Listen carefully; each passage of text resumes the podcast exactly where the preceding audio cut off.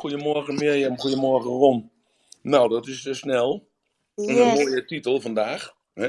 The Hard Way. Ja, inderdaad. Vond ik ook. Hoe is Ja, het deze ochtend? wat zeg je? Ik zeg, hoe is het deze ochtend? Nou, het was gisteravond laat. Ik was gisterenmorgen om eh, half zes de deur uitgegaan. En ik kwam er vannacht in om half één, geloof ik. Eh, en ik, eh, maar ik had mijn zoon bij me, dus de kleine jong. Dus ik moest Ja, ook elke keer denken aan de state management van vandaag.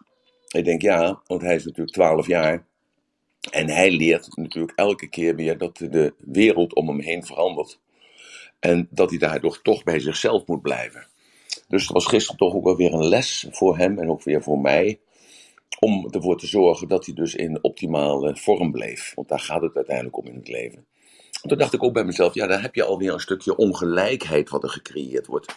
Want ik breng hem elke keer in een benarde situatie, of in een crisissituatie, of in een veranderingssituatie. Waardoor hij teruggeworpen wordt op zichzelf. En zo oefent hij dus die spier eigenlijk. Hè, dus die, die, die, die, eh, die state management spier oefent hij elke keer. En daardoor leert hij zich ook makkelijk weer zichzelf tot de orde te roepen. Ja, ja, dus dat, dat, dat ging me gisteren zo door mijn hoofd heen. Tot ik dacht bij mezelf: ja, dat is toch te gek voor woorden.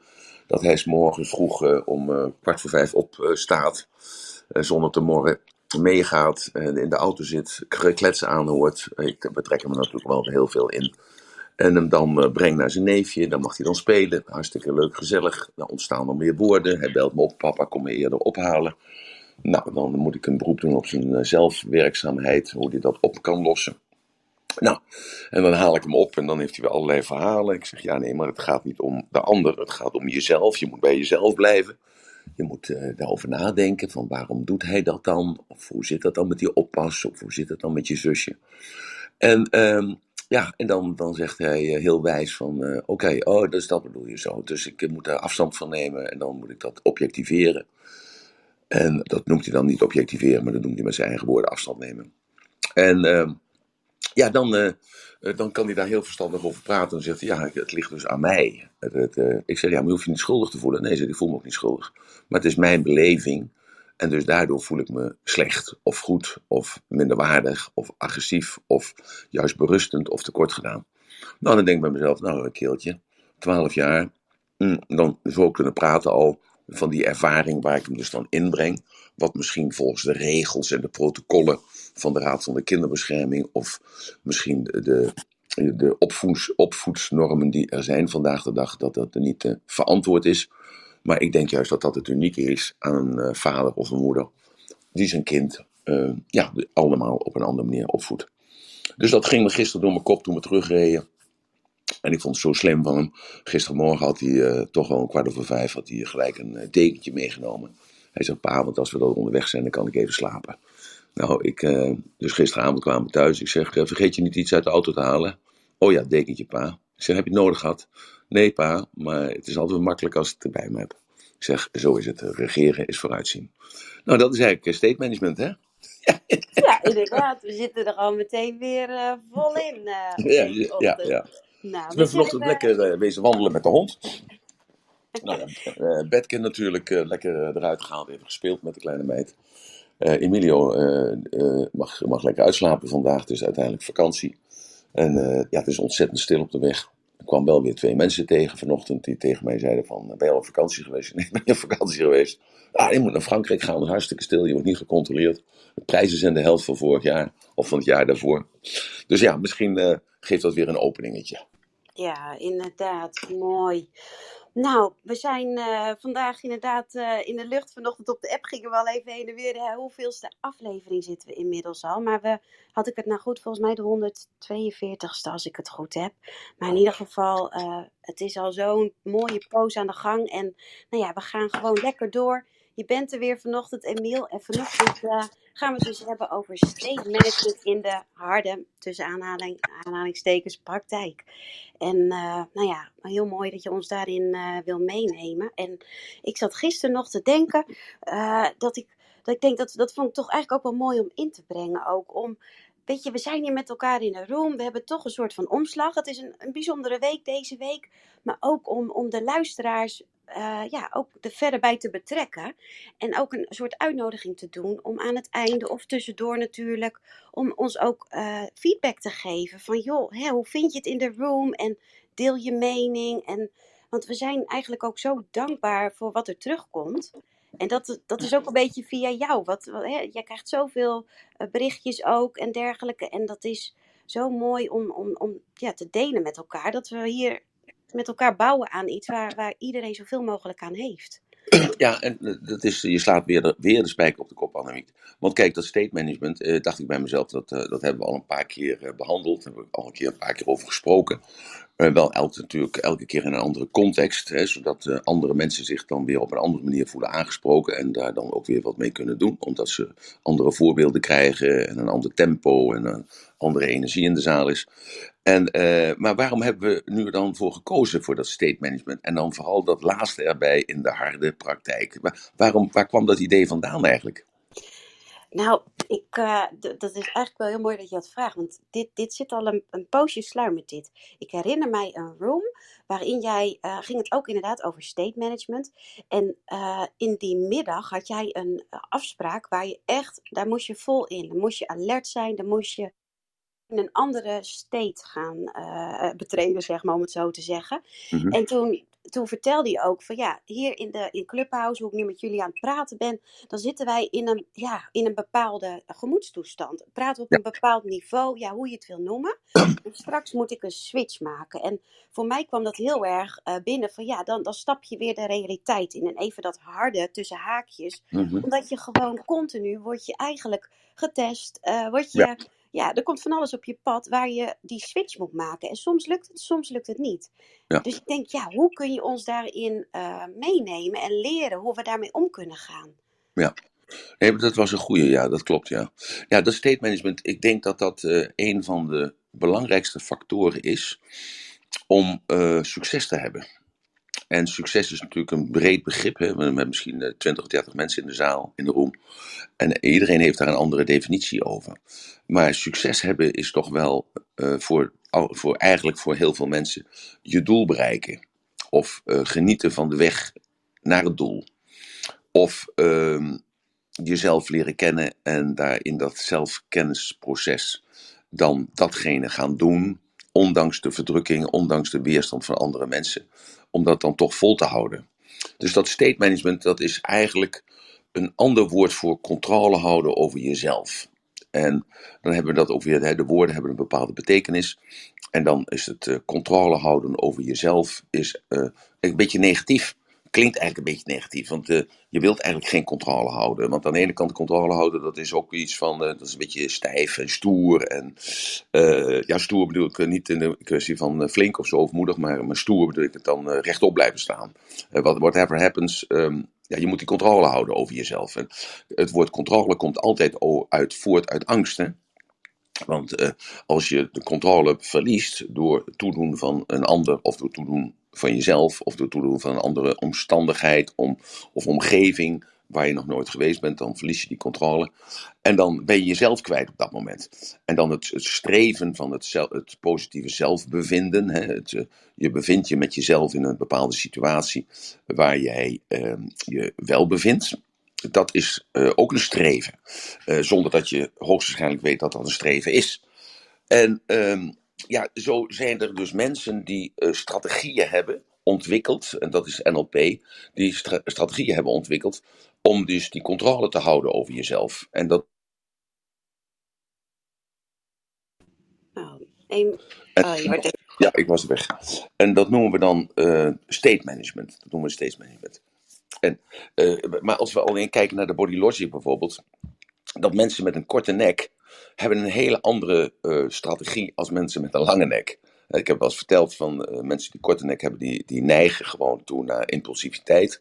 Mensen met een lange nek is de afstand tussen hoofd en hart is vele malen groter. En die hebben dan van nature een moment ingebakken waarin ze, waarin ze reageren. En juist in die split second die ze langer nodig hebben om te reageren, daar zit ook een stukje bedachtzaamheid in.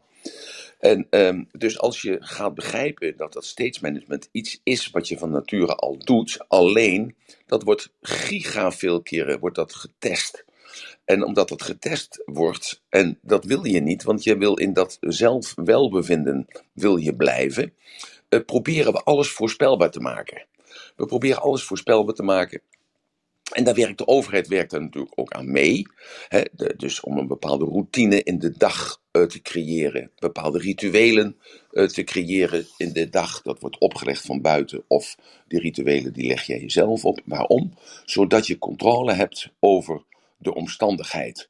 Maar als dus die omstandigheid verandert, ja, dan is er paniek. Want dan ben je uit je doen, dan ben je uit je lood, dan ben je uit je balans, dan uh, wordt de harmonie verstoord. En op dat moment heb je juist dat states management, dus die techniek heb je over, heb je nodig. Uh, die uh, controle, dat noemen we niet altijd controle hebben over de omstandigheden, maar dat noemen we regels, procedures, protocollen, wetgeving, adviezen, richtlijnen en ook begeleiding. En die neveneffecten dus van al die regels, protocollen en wetgeving en adviezen en richtlijnen, de neveneffect daarvan is dat je van jezelf afdrijft. Want je geeft de verantwoordelijkheid van jezelf, de regie van jezelf geef je uit handen aan de overheid of aan uh, vrienden of aan je relatie. En uh, daardoor mis je ook het, de mogelijkheid om te, uh, te oefenen. Want ook dat state management is een soort spier daarboven in je hoofd. Dat hoe vaker je dat gebeurt, hoe meer die ontwikkeld wordt. Dus met andere woorden, hij of zij die zich altijd aan de regels houden. En dan moet je dat natuurlijk niet overdrijven. Van als het rood is, dan kan ik dus rustig doorlopen of doorrijden. Of als ik van links kom, dan neem ik gewoon voorrang. Nee, dat bedoel ik daar helemaal niet mee. Maar dus juist door die zekerheid, dus door die controle die ons opgelegd wordt in de maatschappij en ook door onze cultuur en onze waarden en normen, wordt de ongelijkheid juist steeds groter. Want er neigt dus een bepaald type mens, neigt dus om dus alles op te volgen wat opgelegd wordt. En een ander type mens, ja, die, die, die challenged eigenlijk alles. Dus die, al die regels die er zijn, die eh, doet hij dan, hij of zij probeert hij dan te doorbreken op zijn of haar manier. En dat zie je dus bijvoorbeeld met die vaccinatie, je ziet het met het COVID, je ziet het met het uh, met een mondkapje op. Dat iedereen heeft daar mening over. En dan, uh, die mening mag je ook hebben, maar dan is er een, een, klein gedeelte die praktiseert dat buiten. Die doet dat mondkapje niet op. Uh, die weigert zich om te, te vaccineren. Die houdt zich niet aan de anderhalve meter afstand. En dan wordt het dus visueel en daar heb ik het gisteren over gehad.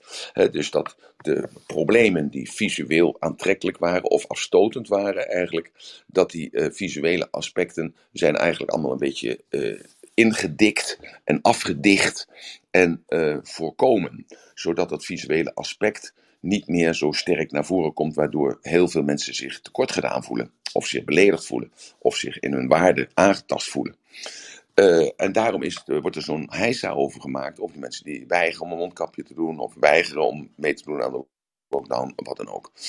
En uh, de regie geef je dus uit handen. Als je uh, je voegt in de alle maatregelen. En dat roept weer weerstand op bij andere type mensen, zoals ik dat net gezegd heb. En zo ontstaan er dus allerlei organisaties. Die er zijn om de minderheden.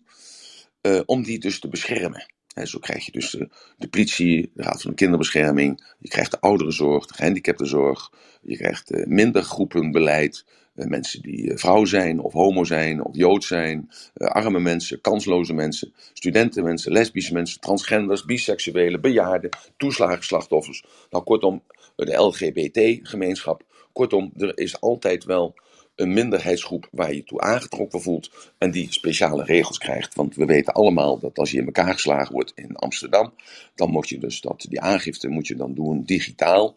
Maar als je lesbisch bent, of je bent jood, je bent homo of je hoort tot de LGBT-organisatie, dan is er een speciaal loket en dan mag jij dus dan voor en dan hoef je dus niet dat onsympathieke te doen om dat via de internet op te nemen. Dat geeft weer een heel raar gevoel voor andere minderheden. Die willen dan ook een loket.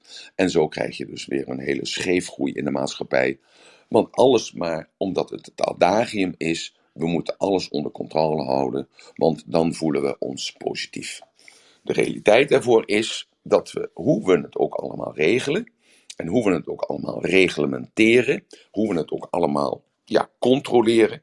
Er komt een moment dat je, en dat is het digitale, of dat is het, het controversiële eigenlijk, of het dualisme daar eigenlijk is, hoe meer we zorgen dat we, dat we die controle hebben en houden, hoe, en dan komen we weer terug op die metafoor van dat, uh, van dat visnet, hoe meer we dus de boel controleren, hoe meer loketjes je hebt voor de specifieke mensen die zich tekort gedaan voelen, hoe meer raken we uit balans of uit harmonie als er iets heel kleins gebeurt, wat eigenlijk onbetekenend is, maar omdat dat grote zo goed georganiseerd is, dus denk aan het visuele, het auditieve, maar ook aan het kinesthetische gedeelte, omdat dat allemaal zo goed geregeld is, zijn de kleine, onbetekenende zaken, worden in één keer opportun heel belangrijk. Denk bijvoorbeeld wat ik vorige week of een week ervoor vertelde over die brief van de SNS, dat ik een brief kreeg van de integriteitscommissie en dat ik daarvan schrok mezelf tot de orde moest roepen. En deze integriteitscommissie belde en tegen ze zei van, luister, ik ben 45 jaar lang bankier ik al bij jullie. Jullie hebben alle informatie die je nodig hebt. Ja meneer, maar dat ligt op een ander bureau. Ik zei, daar heb ik niks mee te maken. Ik zei, nou maak maar 250 euro over. En die man die was eigenlijk helemaal verward. Eh, want er was niemand geweest die hem erop aansprak. A, dat je dus een beetje stil wordt als je onderzocht wordt door de integriteitscommissie. Want dan moet je toch al wel wat gedaan hebben. Dan zal het toch ergens wel ergens druppelen. Hè? Uh, en als je dan belt om te vragen van hoe zit het, ja, en dat je dat werk wat je moet doen, dat het ongeveer twee dagen werk is, dus daar vraag je dan een financiële vergoeding voor. Want dat vragen, de bank vraagt dat ook aan jou, een financiële vergoeding, als je een hypotheekaanvraag doet. Dus er is er heel niks raars aan. En het enige antwoord wat de man gaf was, nou dan meneer, dan zeggen wij gewoon uw bankrekening op. Ik zei, nou doe je dat dan maar, nou, met gevolg met alle toestanden van dien. Nou, uh, bijvoorbeeld... Uh, ik herinner mij dat de vuilniszakken die werden afgezet, afge, uh, die werden uh, afge, uh, hoe noem je dat? afge, die, die op een zeker moment werd er gezegd, de afvalzakken hoef je niet meer te vullen. Ja, maar afgeschaft. Ja, exact. Ja, af, dank je wel, keer. Dank je wel, meid. Uh, de afvalzakken worden afgeschaft. Alles gaat in een kliko. En nu kreeg ik onlangs weer een brief van, uh, terwijl ik er net aan gewend, was aan die kliko. Uh, we hebben aan de, aan de, andere kant van de straat hebben we afvalcontainers gezet. U heeft daar een pasje voor gekregen. En u mag drie zakken per week daarin gooien. En de vierde zak, dat moet u gaan betalen. Nou, ik werd even uit mijn evenwicht gehaald, want ik was net aan die kliko's gewend. En dan moet ik me weer wennen aan afvalcontainers. Bijvoorbeeld, ik kreeg een brief van de Vattenval. We hebben een slimme meter in dat en dat pand geplaatst. Uh, de maandrekeningen passen we nu aan aan de slimme rekeningen. Ik dacht bij mezelf, ja, we hadden toch afgesproken dat er een bepaald vast bedrag automatisch afgeschreven zou worden. En dan wordt het in één keer weer veranderd dat ik nu uh, elke maand een ander bedrag automatisch af, afgeschreven gaat worden. Dat wil ik eigenlijk helemaal niet, want het was me onlangs gebeurd dat ik een betalingsherinnering kreeg, omdat het saldo niet, goed genoeg, niet hoog genoeg was, om dus een exorbitant hoge rekening af te schrijven, automatisch. Dus dat gaf mij ook alweer een gevoel van, waar ben ik mee bezig? Een gevoel van paniek, van een herinnering van de vattenval, maar dat kan toch niet gebeuren? En zo zijn er allerlei dingen die ons van slag maken. Dan krijg je bericht dat er iemand ziek is in de familie, de trein die is niet op tijd, de file is te lang, daar hebben we niet rekening mee gehouden, de afspraak die we gemaakt hebben, ons komen we niet na, uh, er is een moordaanslag op Peter R. de Vries, ja, waar gaan we toch met z'n allen naartoe? Ja, het weer is anders als voorgeschoteld in de reisgids. Uh, plots blijkt de leasingovereenkomst waarin je alles geregeld hebt en waar alles vooruit betaald wordt, blijkt dat de winterbanden daar niet gedekt in worden. Een andere collega, je krijgt een ander computerprogramma, het gaat anders dan dat je had gepland. Kortom, er is crisis, scheiding, overlijden. En dan juist heb je dat state management nodig. Nou, dat is eigenlijk het begin van de state management. Er moet dus eerst een noodzaak zijn, voordat jij dus die state management bewust in gaat voeren. En daarom denk ik dat je dus aantal, eh, aantal situaties moet creëren in je leven. Dat je kunt oefenen met die state management. Dus je kunt nu gewoon op neutraal terrein. Kunnen we het nu hebben over de state management. En als er dus iets gebeurt wat buiten jouw controle is, dan kun je dat gebruiken. Dat is een beetje de intro voor state management. Ja. Ja, mooi. Want inderdaad, het is een hele, hele mooie intro met een, een, een scala aan voorbeelden. En Ja. dat, is, dat is juist ook het mooie. Dat het in al die kleine dingetjes die je continu, iedereen herkent ze wel op zijn pad, dat dat die momenten zijn, ja, prachtig oefenmateriaal. En uh, nou ja, voordat je ons zo meteen mee gaat nemen in hoe gaan we dat dan doen, want dat, ja. ja daar ben ik natuurlijk ontzettend benieuwd naar. En ik denk met mij nog een heleboel andere mensen. Ja. Uh, is het goed om nog wel eventjes aan te halen dat wij deze room, dat het opgenomen wordt.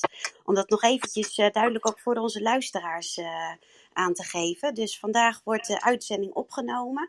En, uh, maar goed, daar, daarnaast willen we natuurlijk ook uh, nog steeds alle ruimte geven om ook jullie vragen hierover te beantwoorden. Dus luister je mee, uh, word je ergens door getriggerd of wil je ergens op doorvragen? Steek je handje op en dan halen we je meteen op het podium.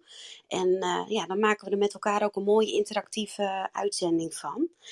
En uh, nou, Emiel, ga door. Ik ben ja, nu, ja, nu wat je zegt, hè, het wordt opgenomen. Dus heel veel mensen denken, het wordt opgenomen. En, en hoe dan? Uh, komt mijn foto dan naar buiten toe? Uh, en als ik wat zeg, dan, hoe, hoe gaat dat dan? krijg ik geen quitclaim, een vrijwijs? Zo, dus op dit moment eigenlijk zijn er al heel veel onder ons die zich zorgen maken. De, dat, ma dat merken we bijvoorbeeld als we televisieopnames maken. We lopen met de camera, lopen we over straat. Dan zeggen mensen, die, de assertieve mensen komen naar je toe en zeggen, hé, hey, maar ik wil niet op beeld. Ik zeg, nou, u staat ook niet op beeld. Want u heeft geen toestemming gegeven, je moet toestemming geven. Uh, andere mensen die keren zich gelijk om of die doen de paraplu voor het gezicht. Uh, er, zijn in één keer allerlei soort impulsieve reacties van wat er ook gebeurt, ik wil niet op beeld komen. Nou, daarom is het belangrijk, denk ik, om ook te vertellen waarom we het opnemen. Uh, ik wil het graag opnemen om A, uh, terug te beluisteren, want ik wil graag ook leren van de ervaring van elke dag weer. Dat is één. Twee, uh, denk ik gewoon dat er een moment komt dat we een soort transcriptie maken van elke uit dat we dus eh, de, de highlights eruit halen en dat we die uitschrijven en die we dan dus aan kunnen bieden aan jullie. Dat jullie die kunnen lezen en dat je dus een soort naslagwerk hebt en dan op onderwerp. Dus dat is eigenlijk de reden dat we dat opnemen en uh, dat doet Ron voor ons. Dat moet ook even gezegd worden, die, die zorgt daarvoor elke dag. helemaal vrijwillig doet hij dat, dus dat is helemaal fantastisch. Ja, dus... en misschien ook meteen een mooie ingang, want jij benoemde het net al, juist hè, doordat we het even vermelden dat het opgenomen wordt, dat brengt al een reactie teweeg. En ja. als je bij jezelf bemerkt van, hé, hey, ik reageer daarop en hé, hey, ik ga die stap gewoon nemen en ik ga dat delen, dat, nou ja, misschien is het ook een mooie opening om dat te doen. Maar goed, dat is puur een, een want, idee. Ja, want dus we weten allemaal al nu, hè, dat heb ik al vaak genoeg gezegd, het is de stemming die ons gedrag stuurt. Onze stemming stuurt ons gedrag. Daarom stel ik ook vaak, vrouwen zijn superieur aan mannen. Waarom? Omdat vrouwen geleerd hebben meer met hun emotie te werken dan mannen. Dat is meer geaccepteerd. Vrouwen werken met uh, poppetjes uh, als ze jong zijn. Ze krijgen kinderen, ze uh, bevallen. Dat doet heel veel pijn, maar daarna hebben ze ook een hele diepe vreugde. Wij mannen staan daarbij en kijken daarna en hebben toch een andere laag van emotie bij de geboorte van een kind. CQ hebben we medelijden met de vrouw of voelen we dezelfde pijn. Maar dat is dan denkbeeldig op dat moment. Dus de stemming stuurt ons gedrag. Dat is heel belangrijk. Maar waar wordt onze stemming dan eigenlijk door bepaald? Nou, er zijn drie factoren en over die drie factoren gaan we het hebben. En het bewustzijn alleen al, dat je dus gaat zien uh, dat, jij, uh, bepaalde, dat het bepaalde triggers zijn. Hè, dus de, dus uh, dat is de resp, stimulus, stimuli noemen we dat. Dat zijn stimulus-responsreactie, automatische responsreacties zijn dat, die ingebakken zitten in, door jouw leven, door jouw ervaringen. En dat zorgt ervoor dat je de focus houdt. En de focus is het meest belangrijke. Want nu net even dit voorbeeld aan te halen met uh, wat gebeurt er nu als je hoort dat het opgenomen wordt, dan schiet die focus in één keer van, god wat interessant wat er verteld wordt, naar, hé, hey, maar ik wil daar zelf niet bij betrokken worden. Hé, hey, ik wil niet dat er gebruik gemaakt wordt van mijn naam. Hé, hey, ik moet even oppassen dat ik nu mijn mond dicht hou, want anders mijn uh, superieur of mijn vrouw of mijn zoon, die herkent mij dat ik een vraag stel en die weet nog niet dat ik, in die, dat ik daarin zit. Zo. Dus je focus wordt door één woord meteen verandert. En op het moment dat je focus verandert, verandert je fysiek, maar ook tegelijkertijd je interne representatie. Wat gebeurt er met die fysiek? Als je dus een negatieve focus krijgt, van wat gaat er nou gebeuren, maak je er misbruik van, dan krimp je als het ware in elkaar. Je ademhaling gaat gelijk omhoog, je ogen en je adrenaline, dat spuit eruit, en je stelt jezelf andere vragen, dus een andere interne representatie. Wordt die focus verplaatst van, uh, god wat leuk, uh, dan kan ik ook bekende Nederlander worden, uh, lijkt me hartstikke leuk, en als ze dat gaan opschrijven, nou dan wil ik wel graag dat mijn naam erbij komt. En hoe moet ik dat nu regelen dat Emiel mijn naam krijgt? Uh, moet ik dat dan mailen? Of moet ik dat dan bellen? Of moet ik dat dan appen of zo? zo? Dan zie je dus dat er andere interne representatie is. Er is een ander denkproces. Want het denkproces heet interne representatie. En daar gebeurt ook iets anders fysieks aan. Want er komt wel diezelfde soort adrenaline komt vrij. Maar nu wordt het positief gebruikt. Want je denkt bij jezelf, hoe kan ik mezelf manifesteren in dit proces wat nieuw is? En hoe kan ik daar gebruik van maken? Met mijn bedrijf, of met mijn relatie, of met mijn gezondheid, of gewoon als persoon zijnde. Zo. Dus de keuze die er gemaakt wordt, lijkt onbewust, maar is tegelijkertijd, als het onbewust is, is gelijk te corrigeren. Want de vraag moet zijn: wat wil ik nu eigenlijk? Wat wil ik? Waarom zit ik in deze room? Wat wil ik leren in deze room? Wat wil ik delen in deze room? Zo. Dus dat is een focus. En er zijn ook mensen die sturen mij een brief en die zeggen: Nou, het is voor mij een momentje. Daarom ben ik zo blij mee dat het nu elke dag om 9 uur is. Mijn kindje is lekker naar school. Ik heb een kopje koffie gezet. Ik zet lekker mijn koptelefoon op. En het is gewoon lekker een uurtje luisteren naar jou. Het is een soort seminar. Het is een soort afleiding. Het is gewoon humorvol. Hè, dat je dingen herkent van andere mensen. Of ook zelf bij jezelf. Kortom, het is een momentje helemaal voor mezelf. Dus dus daar ligt die focus al heel anders op. Ik ken ook mensen die zijn aan het werk en die luisteren heel af en toe. En ik ken ook mensen die zijn aan het werk, uh, die hebben lange haren en hebben daar een klein oortje in en die luisteren gewoon uh, illegaal mee. Zo, dus iedereen heeft een andere focus. En daarom is het als uh, public speaker is het zo moeilijk, en moeizaam om iedereen dan ook te bedienen. Dus iedereen datgene te geven waarvoor hij of zij gekomen is. Nou, terug naar de state management. Dus Af, eh, uh, afgepeld is state management dus de controle hebben over je fysiek, dus dat is je lichaam. Controle hebben over de focus, dus dat is gene waar je aandacht aan besteedt. En controle hebben over je interne representatie, dat zijn jouw gedachten. En als we controle hebben over deze drie, drie stukken, hè, deze drie stukken, dan hebben we meesterschap over ons zijn, over ons welbevinden. Want wij laten ons altijd altijd door externen, lijkt het wel, laten we ons afleiden van de rol van meesterschap. En dat is een misvatting, want het is zuiver een techniek, het is kennis, het is modelleren, het is iets nadoen van mensen die dat al doen, van nature, of mensen die geoefend hebben in hun leven vanaf gekomen zijn van heel veel pijn, van heel veel verdriet, van heel veel ellende, van heel veel angst, en hebben noodzakelijk geleerd om zichzelf in de hand te kunnen houden. En die hebben dat, dat, dat state management dan ook geperfectioneerd. En ik heb ook wel eens gezegd, die kut Marokkaan die daar in de achterbuurt opgroeit, dat zijn de leiders van morgen. Dat zijn niet de zwakkelingen, maar dat zijn de sterken onder hen.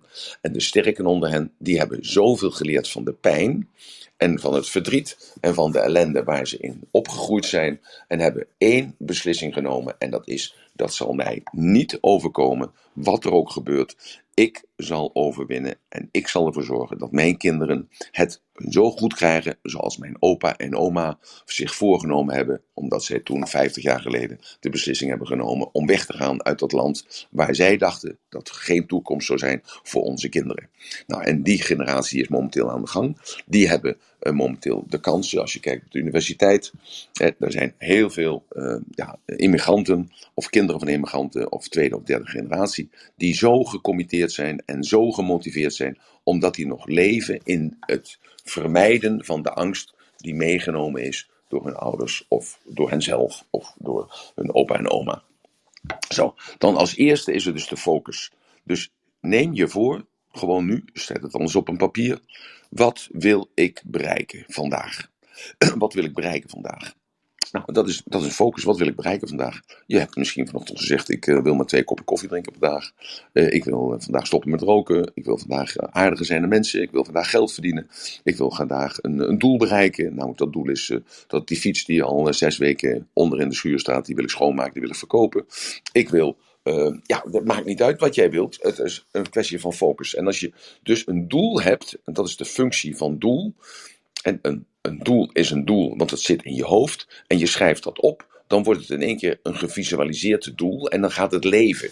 Dan krijgt het handjes en voeten. Dus als eerste is het belangrijk. Wat wil ik vandaag? Wat wil ik deze week? Wat wil ik deze maand? Wat wil ik dit jaar? En wat wil ik uiteindelijk met mijn leven?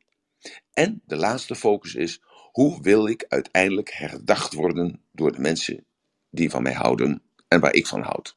Dat is het laatste grote doel. Dat noemen ze de legacy. Dus hoe wil ik later achterblijven? Want we leven allemaal eeuwig. De stof laten wij achter. En de geest, het spirituele lichaam, reist verder en blijft altijd. We waren gisteren even, Emilie en ook en ik, waren even op de begraafplaats waar mijn vader en moeder liggen. En toen zegt hij van, uh, maar papa, uh, hoe, uh, want hij wilde daar zelf langs. We reden langs de begraafplaats. Toen zei mijn zoon tegen mij van, papa, ik, ik wil eigenlijk wel even naar opa en oma toe. En dat is altijd heel raar natuurlijk, want hij heeft zijn opa en oma nooit gekend. Omdat, hij, uh, omdat mijn vader jong gestorven is en uh, ik op late leeftijd kinderen heb gekregen.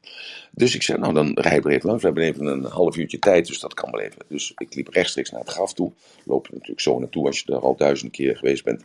En toen zei hij, ja, maar als je nou wat vraagt aan, aan opa, zegt opa dan wat terug? Ik zeg, ja, opa die praat altijd terug. Hij zegt, maar en als ik hem nou een vraag stel, praat hij dan ook terug? Ik zeg, dan praat hij ook terug. Hij zegt, nou, dan wil ik graag weten hoe het daar is. Nou, dus hij zei, opa, hoe, hoe is het daar? Nou, opa zei van, uh, fantastisch. En opa, moet je werken? Nee, werken hoef je niet. Nou, en hij stelde een aantal vragen. Dus zijn focus was gericht op opa en oma, was daardoor geïntrigeerd en geïnteresseerd op opa en oma, gebruikte mij daardoor. En dus toen we terugliepen van het graf, zei hij tegen mij, dus eigenlijk leef je eeuwig. Je bent dus altijd bereikbaar. Dus het is eigenlijk helemaal niet erg om dood te gaan. Want je blijft toch bij elkaar. Ik zeg ja.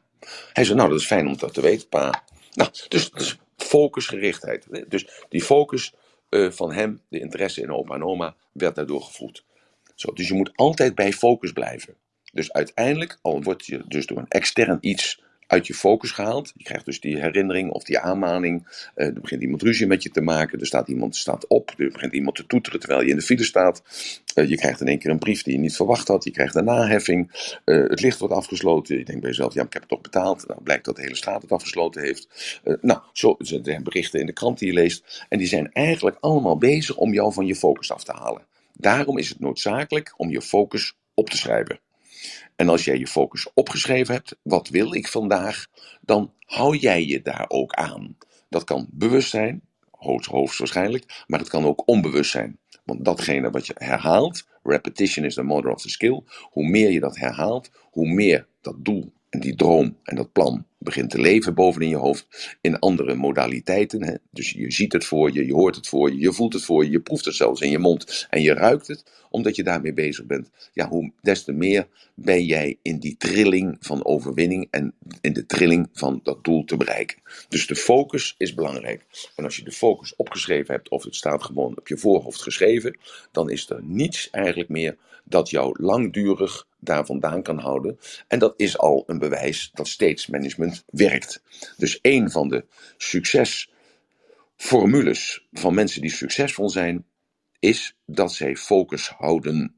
Zij weten waar ze mee bezig zijn, ze weten wat ze willen bereiken, ze weten hoe ze willen zijn en daar gaan ze op af. En alles in hun lijf en geest en ziel zorgt ervoor dat dat realistisch wordt. Niet dat dat uiteindelijk realiteit hoeft te worden, maar in jouw beleving, en daar gaat het uiteindelijk om, in jouw beleving krijg jij voortdurend bevestiging van die doelstelling en die droom en dat verlangen zoals jij wil zijn en zoals je wil worden en wat je wil krijgen.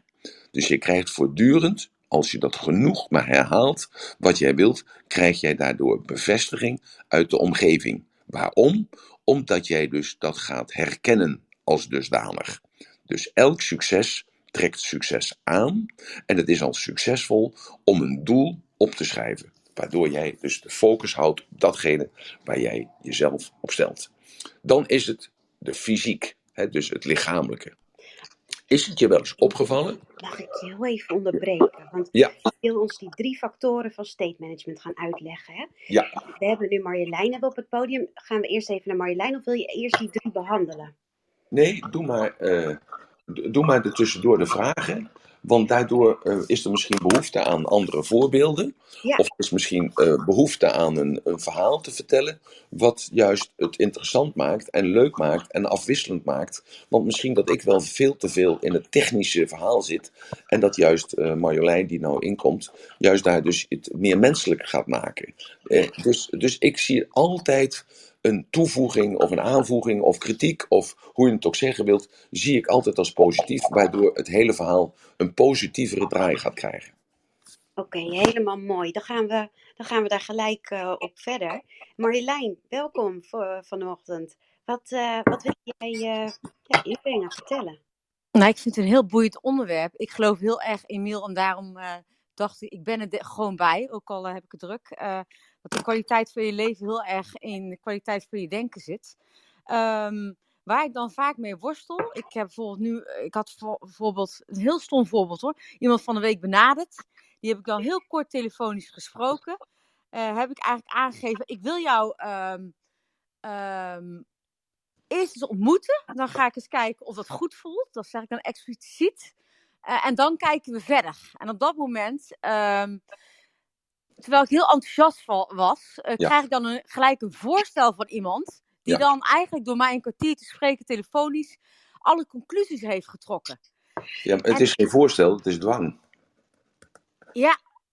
ja. Hij, legt, hij legt jou zijn regels op. Exact. En dat werkt niet bij jou, Marjolein. nee, Zoals het bij, bij niemand werkt. Nee. Zo, dus op het moment dat je dat bewust wordt, van, dan begrijp je waar die weerstand vandaan komt en dat jij uit die energie gedeeld wordt. Oh ja, dat is mooi. Maar waar ik dus mee worstel, en daarom ja. uh, haal ik dit voorbeeld even aan, is um, aan de ene kant is die kwaliteit van denken, daar geloof ik heel erg in dat bij alles, uh, ja, daar, daar, daar hangt zoveel van af. Uh, alleen, aan de ene kant worstel ik soms met, dus met dit voorbeeld een stukje gevoel. In hoeverre um, ja, zit ik dan in de weerstand of, of, of moet ik het gevoel, zeg maar, vertrouwen? Daar moest, snap je wat nou, ik bedoel, Emiel? Ja, ik begrijp helemaal wat je zegt, want het is de grootst gemaakte fout die er is. Hè? En vooral door vrouwen, met respect, die zeggen, die komen een zaal binnen of een ruimte binnen en die zeggen een negatieve energie. Of uh, die krijgen een telefoontje en die zeggen, nou, ik voel dat het niet goed is. Uh, of uh, ja, die horen wat, die zien wat. Maar het is altijd iets wat getriggerd wordt. Dat gevoel op zich is gewoon gevoel. Dat is neutraal. Net als energie is neutraal. Net, ons, net als ons denken, dat is neutraal. Daar zit geen goed of fout in. Dat is hetzelfde met ons gevoel. Wij wij voelen iets in. Dat komt omdat we dus een positief of een negatief anker hebben geslagen over iets. Bijvoorbeeld, ik geef dus het voorbeeld van een arts die jou als kind heeft gevaccineerd. Je moet je voorstellen, dan ben je als baby van zes maanden. Je weegt een kilootje of vier, vijf. En je krijgt een cocktail waar twaalf verschillende soorten vaccinaties in zitten. Nou, dat is een traumatische ervaring. Maar niemand die realiseert zich dat die arts die dat doet, dat hij een geur bij zich heeft die heeft een bepaald uiterlijk. Die heeft een bepaald brilletje op. Die heeft geen haar of wel haar. Die heeft een stethoscoop om zijn, uh, om, om zijn borst hangen. Uh, die, uh, die zegt iets op een snerperende toon tegen de zuster van... Ja, ja, ja, Zo. En, maar al datgene wat jij als objectieve waarnemer, als moeder of als vader meemaakt en denkt bij jezelf, oh, dan moet die, dan moet die spuit erin. En oh, het is altijd pijn. Moet kijken, dat kleine ziel. En dan die grote spuit moet erin. Maar dat kind neemt dat ook waar.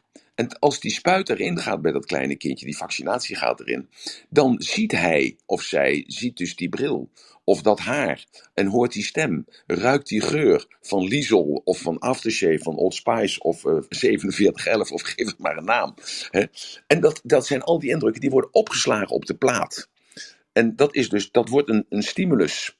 Een stimulus, dat is dus iets wat je hebt ervaren en dat zit ingebrand in de plaat. Dat zit ingebrand in, in jouw systeem, in jouw computer daarboven in je hoofd. En als het dus, als je, jij bent het helemaal vergeten, want je hebt, of je hebt het helemaal niet eens onthouden, want je weet niet eens dat je het beleefd hebt. En er komt een moment dat je in het café staat, of er is carnaval, en je bent helemaal uit je, uit je bolle bol, bos hoofd gegaan. En in één keer ruik jij dat Old Spice, of die 4711. En dat ruik je. En zonder dat jij weet, schiet jij gewoon in die angst van van, van 35 jaar geleden dat jij die spuit in je bovenarm gejast werd met die 12 verschillende vaccinaties.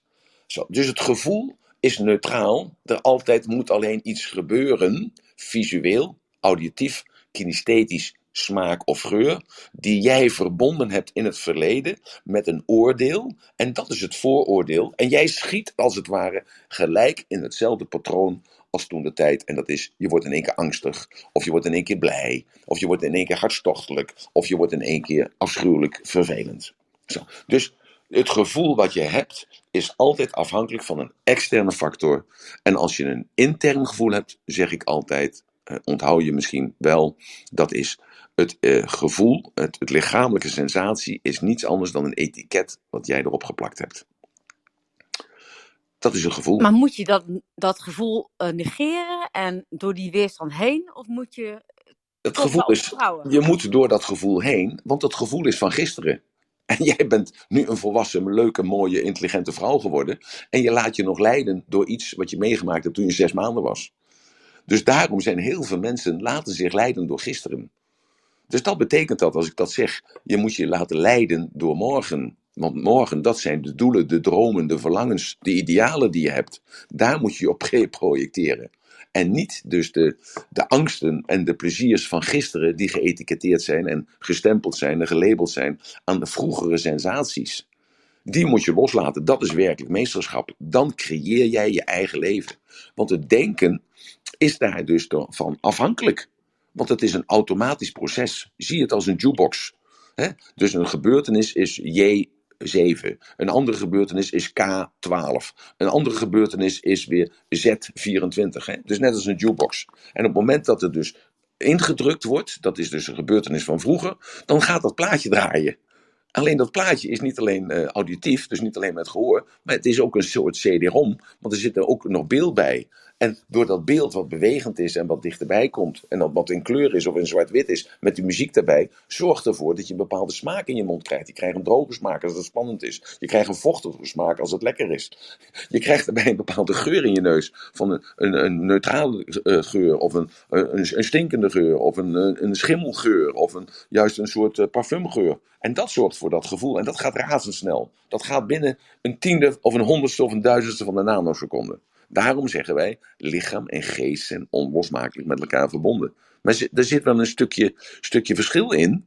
Alleen dat gaat zo, zit zo dicht op elkaar dat we denken dat het één is. Maar het is niet één. Het zijn altijd nog steeds. En ik trek het nu uit elkaar, want interne representatie is denken, dat is de geest. En fysiek is ons lichaam. Dus ik trek ze nu uit elkaar. En als focus heb ik genomen dus datgene wat je wilt. Dus de kwaliteit van je leven hangt af van de kwaliteit van je denken. Niet een klein beetje, maar alles. Daarom zijn er mensen die kunnen overleven in de shitzooi en komen er rijker, beter, sterker uit. Omdat ze gefocust zijn om ook in het shittige het positieve te zien. En de loser, die kijkt naar het negatieve. Die ziet alleen maar de shitterige en het vervelende en het afbrekende. En alles wat, wat, uh, wat negatief is. En wordt daardoor kleiner. En wordt daardoor nog negatiever als dat hij was. Dus het is je instelling dus de kwaliteit, het meesterschap, wat een proces is. Eerst ben je leerling, daarna ben je gezel en daarna word je meester. Om dat te oefenen. En daarom moet je jezelf ook online zetten. En de meeste mensen hebben daar zo'n hekel aan. En die wachten gewoon af tot de grote crisis in hun leven komt. En dan pas gaan ze dus aan de slag. Dan ben je te laat. Je moet dus oefenen. Net zo goed als dat je elke morgen vijf kilometer hard loopt. Of dat je al eh, twintig jaar geleden gestopt met roken. Uh, of dat je wel alcohol drinkt, maar dat zijn om twee glazen rode wijn bij het eten. Of dat je positief denkt en kijkt en altijd probeert om het positieve eruit te halen. Zo, dus je moet oefenen, oefenen, oefenen tot het moment daar is. Want de crisis komt altijd. De crisis komt altijd. Ja, dat is mooi. Dus state management is dan ook dat je die dingen gaat herkennen, die verbanden. En dat je ziet. Je hoeft, nee, je hoeft nee, de verbanden niet. niet. te herkennen. Nee, je okay. hoeft de verbanden niet te herkennen. Want je moet niet graven in de shit. Want dat doen dus de mensen die zoeken, zoeken, zoeken, zoeken. Die zijn gefocust op het zoeken. Maar je moet je gewoon focussen op het vinden. Dat is een hele andere state of mind. Ik voel hem, ik voel hem, ja. Ja? Zo, dus, dus, als je dus, dus dat is dat dwingende wat je jezelf op moet leggen. Maar dwingen, discipline, trouw. Uh, dat zijn allemaal dingen waarvan mensen denken: ja, nee, maar dat hoef ik toch niet te doen. Dat doet de overheid voor mij toch? Met automatische betalingen en met regels dat iedereen rechts moet houden. En als iedereen zich daar nou aan houdt, dan gebeuren er geen ongelukken. Dus ik kan gewoon veilig de straat op. En als er, mocht er toch nog wat fout gaan, dan hangt er een camera en is de politie er zo. Maar waar blijft dan de zelfverantwoordelijkheid? Dus de zelfverantwoordelijkheid, dat is het duale in deze tijd. Men heeft het elke keer over ongelijkheid. Hè? De ongelijkheid wordt steeds groter. Hè? De, het gat wordt steeds groter tussen de mensen die kennis hebben en die geen kennis hebben. De mensen die blank zijn en de mensen die andere kleur hebben. De ongelijkheid wordt steeds groter van de mensen met groot meer opleiding dan minder opleiding. En de mensen, grotere verschil wordt er steeds, uh, steeds grotere ongelijkheid. Wordt er, dus tussen de mensen die slim zijn en de mensen die dom zijn. En noem het allemaal maar op. En het accent wordt vandaag de dag gelegd op de ongelijkheid. En dus door alleen maar op het accent te leggen op de ongelijkheid, wordt die ongelijkheid groter. Want alles waar je aandacht aan geeft, dat groeit.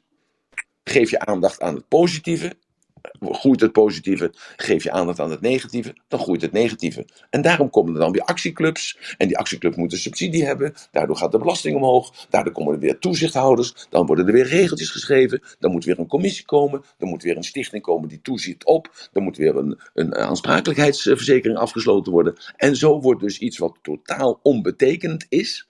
Hè, voor de meerderheid van de Nederlandse bevolking. Dat wordt een groot issue uiteindelijk voor allemaal. Dus kijk even naar het racisme, het slaven, slavendom, hè, wat er was. Kijk, dat is al honderden jaren geleden is dat afgeschaft. Nu in één keer wordt dat een issue, want mensen lijden daaronder dat hun voorouders weggebracht zijn door Nederlanders, door mijn voorouders uit Afrika, maken dat groot, voelen de pijn van hun voorouders, zien datgene wat er gebeurt in een slavenschip, zien ook die voorvader van mij met een zweep staan, zien ook een andere voorvader van mij staan met een grote beurs met geld en daarbij koopt hij een pand op de Keizersgracht. En dus dankzij dat ben ik dus die blanke man geworden die afschuwelijk daar, als model voor staat. Dat wordt gezegd, ja, moet luisteren, de Nederlandse overheid, maar alle mensen moeten dus in het stof en moeten zich schamen en moeten hun excuus aanbieden voor datgene wat hun overgrootvaders 500 jaar geleden hebben gedaan. En als dus dan de overheid zo idioot is geworden om dus, excusez le mot, dat ik hier een oordeel over vel, maar ik moet het toch even doen. Dus de overheid is zo idioot geworden om daar dus dan excuus over aan te bieden. Dan wordt er gezegd, nou moeten jullie 53 miljard betalen aan Suriname, want dan is het egaal, dan zijn we klaar met elkaar. Nou, bijzonder, Emiel. Wat ik in ieder geval vandaag van jou geleerd heb, is dat ik uh, toch soms te veel met het verleden bezig ben. En dat ik echt me op de toekomst moet richten. Die weg vooruit, daar moet ik me op focussen. Juist. Niet gaan beredeneren. Nee. Skip Juist. Ja, en daarom, dankjewel. als je bij mij in de zaal zit, hè, dan is het van schrijf op wat je wilt. Dan zijn er heel veel mensen, een meerderheid, die weet niet wat ze willen. En dan zeg ik, schrijf dan op wat je niet wilt. En dan komt er een hele grote lijst. En dan zeg ik, als je nou weet wat je niet wilt, wat blijft er dan over? Ja, en dan blijft er in één keer over wat je, wat je wel wilt. En op dat moment komt er duidelijkheid in je hoofd. En als die duidelijkheid er is, de mist trekt op als het ware, dan ben je, sta je anders in het leven. En dan richt jij je alleen nog maar op het positieve. Want dat voelt namelijk beter om je op het positieve te richten dan op het negatieve te richten. En dat, Heb ik antwoord gegeven op je vraag? Absoluut, dankjewel. Echt, Dankjewel. eh, ja, ik ben gewoon te mutserig af en toe. En wil dan, eh, ja, ik moet toch gewoon iets eh, anders gaan denken. Als dat werkt voor doen. jou om jezelf te mutserig te noemen, als dat werkt voor jou en dat dat een schop onder je reet is aan jezelf, dan doe je, neem je een goede beslissing en zeg je het juiste woord tegen jezelf. Gewoon vooruit. Juist vooruit. Dank je, Marlijn. Jij bedankt. ja. Dankjewel Marjolein. En, eh, en een prachtige wending ook inderdaad met, met jouw inbreng. eh, en ja, waar we weer prachtige lessen uit eh, kunnen halen. Dus eh dankjewel. En Emiel, we hebben Robert ook bij ons op het podium. Goedemorgen Robert. Welkom. Goedemorgen, Annemiek, Emiel, Marjolein. Dag Robert, fijne man. Goedemorgen, Emiel. Ehm, ik wilde even reageren over op, eh op hetgeen je zei over focus. Eh, je maakte even het sprongetje naar de regering toe, en naar Suriname en naar ehm, zeg maar de slavernij van vroeger. Ja. Ehm, en toen dacht ik, ja, die focus, dat is een heel mooi voorbeeld. Die focus maakt dat we daar dan allemaal naar gaan kijken. En als je niet oppast, ga je je schuldig voelen. Ehm, omdat dat zomaar aangenomen wordt. Ehm, misschien wel aardig om, ehm, om, om te zien hoe je om kan gaan met de focus. Ik hoorde dat een tijdje geleden, toen hebben we dat in jouw room ook behandeld. Hè? Eh, toen ging het hier over. En toen ben ik eens door gaan zoeken en toen dacht ik bij mezelf, in die tijd van de slavernij waren jij, Emiel en ik, en misschien wel ook eh, Annemiek, misschien wel horigen In die tijd had je dus eh, de landheer en had je de edelen. En de edelen die mochten een paard hebben en die mochten een zwaard hebben. En eh, ja, die hadden horigen, dat waren boeren. En die boeren die moesten zorgen dat ze het land bewerkten. En daar kregen ze maar een heel klein beetje geld voor. Denk aan de mooie verhalen van Robin Hood, die daar uh, tegen in opstand kwam in Nederland. En die hadden eigenlijk een leven van niks. En je zou slavernij eigenlijk heel mooi kunnen vergelijken met de horigen uit diezelfde tijd. Mooie vergelijking, Robert. Heel mooi. Ja, weet, weet, je, en het waren dus gewoon blanken. Ja. En, en, en zo werkte de maatschappij toen. En als je dus je focus legt op slavernij en je kijkt dan naar slavernij van donkere mensen, of gele mensen, of mensen met rood haar, of mensen met sproeten, of maakt niet uit, dan zou je eigenlijk ook die focus moeten leggen op gewoon blanke mensen, boeren vooral in die tijd, hè, um, die dus moesten werken voor hun meester. Ja, maar, maar wat het is, Robert, de, de, de andere partij, hè, want daar komt dus weer de discriminatie uit voort. De andere partij, want die stellen zich apart op, die hebben namelijk de one-liner. En dat is dat jij geen recht van spreken hebt als witte oudere man. Want jij kunt niet invoelen wat voor leed wij geleden hebben.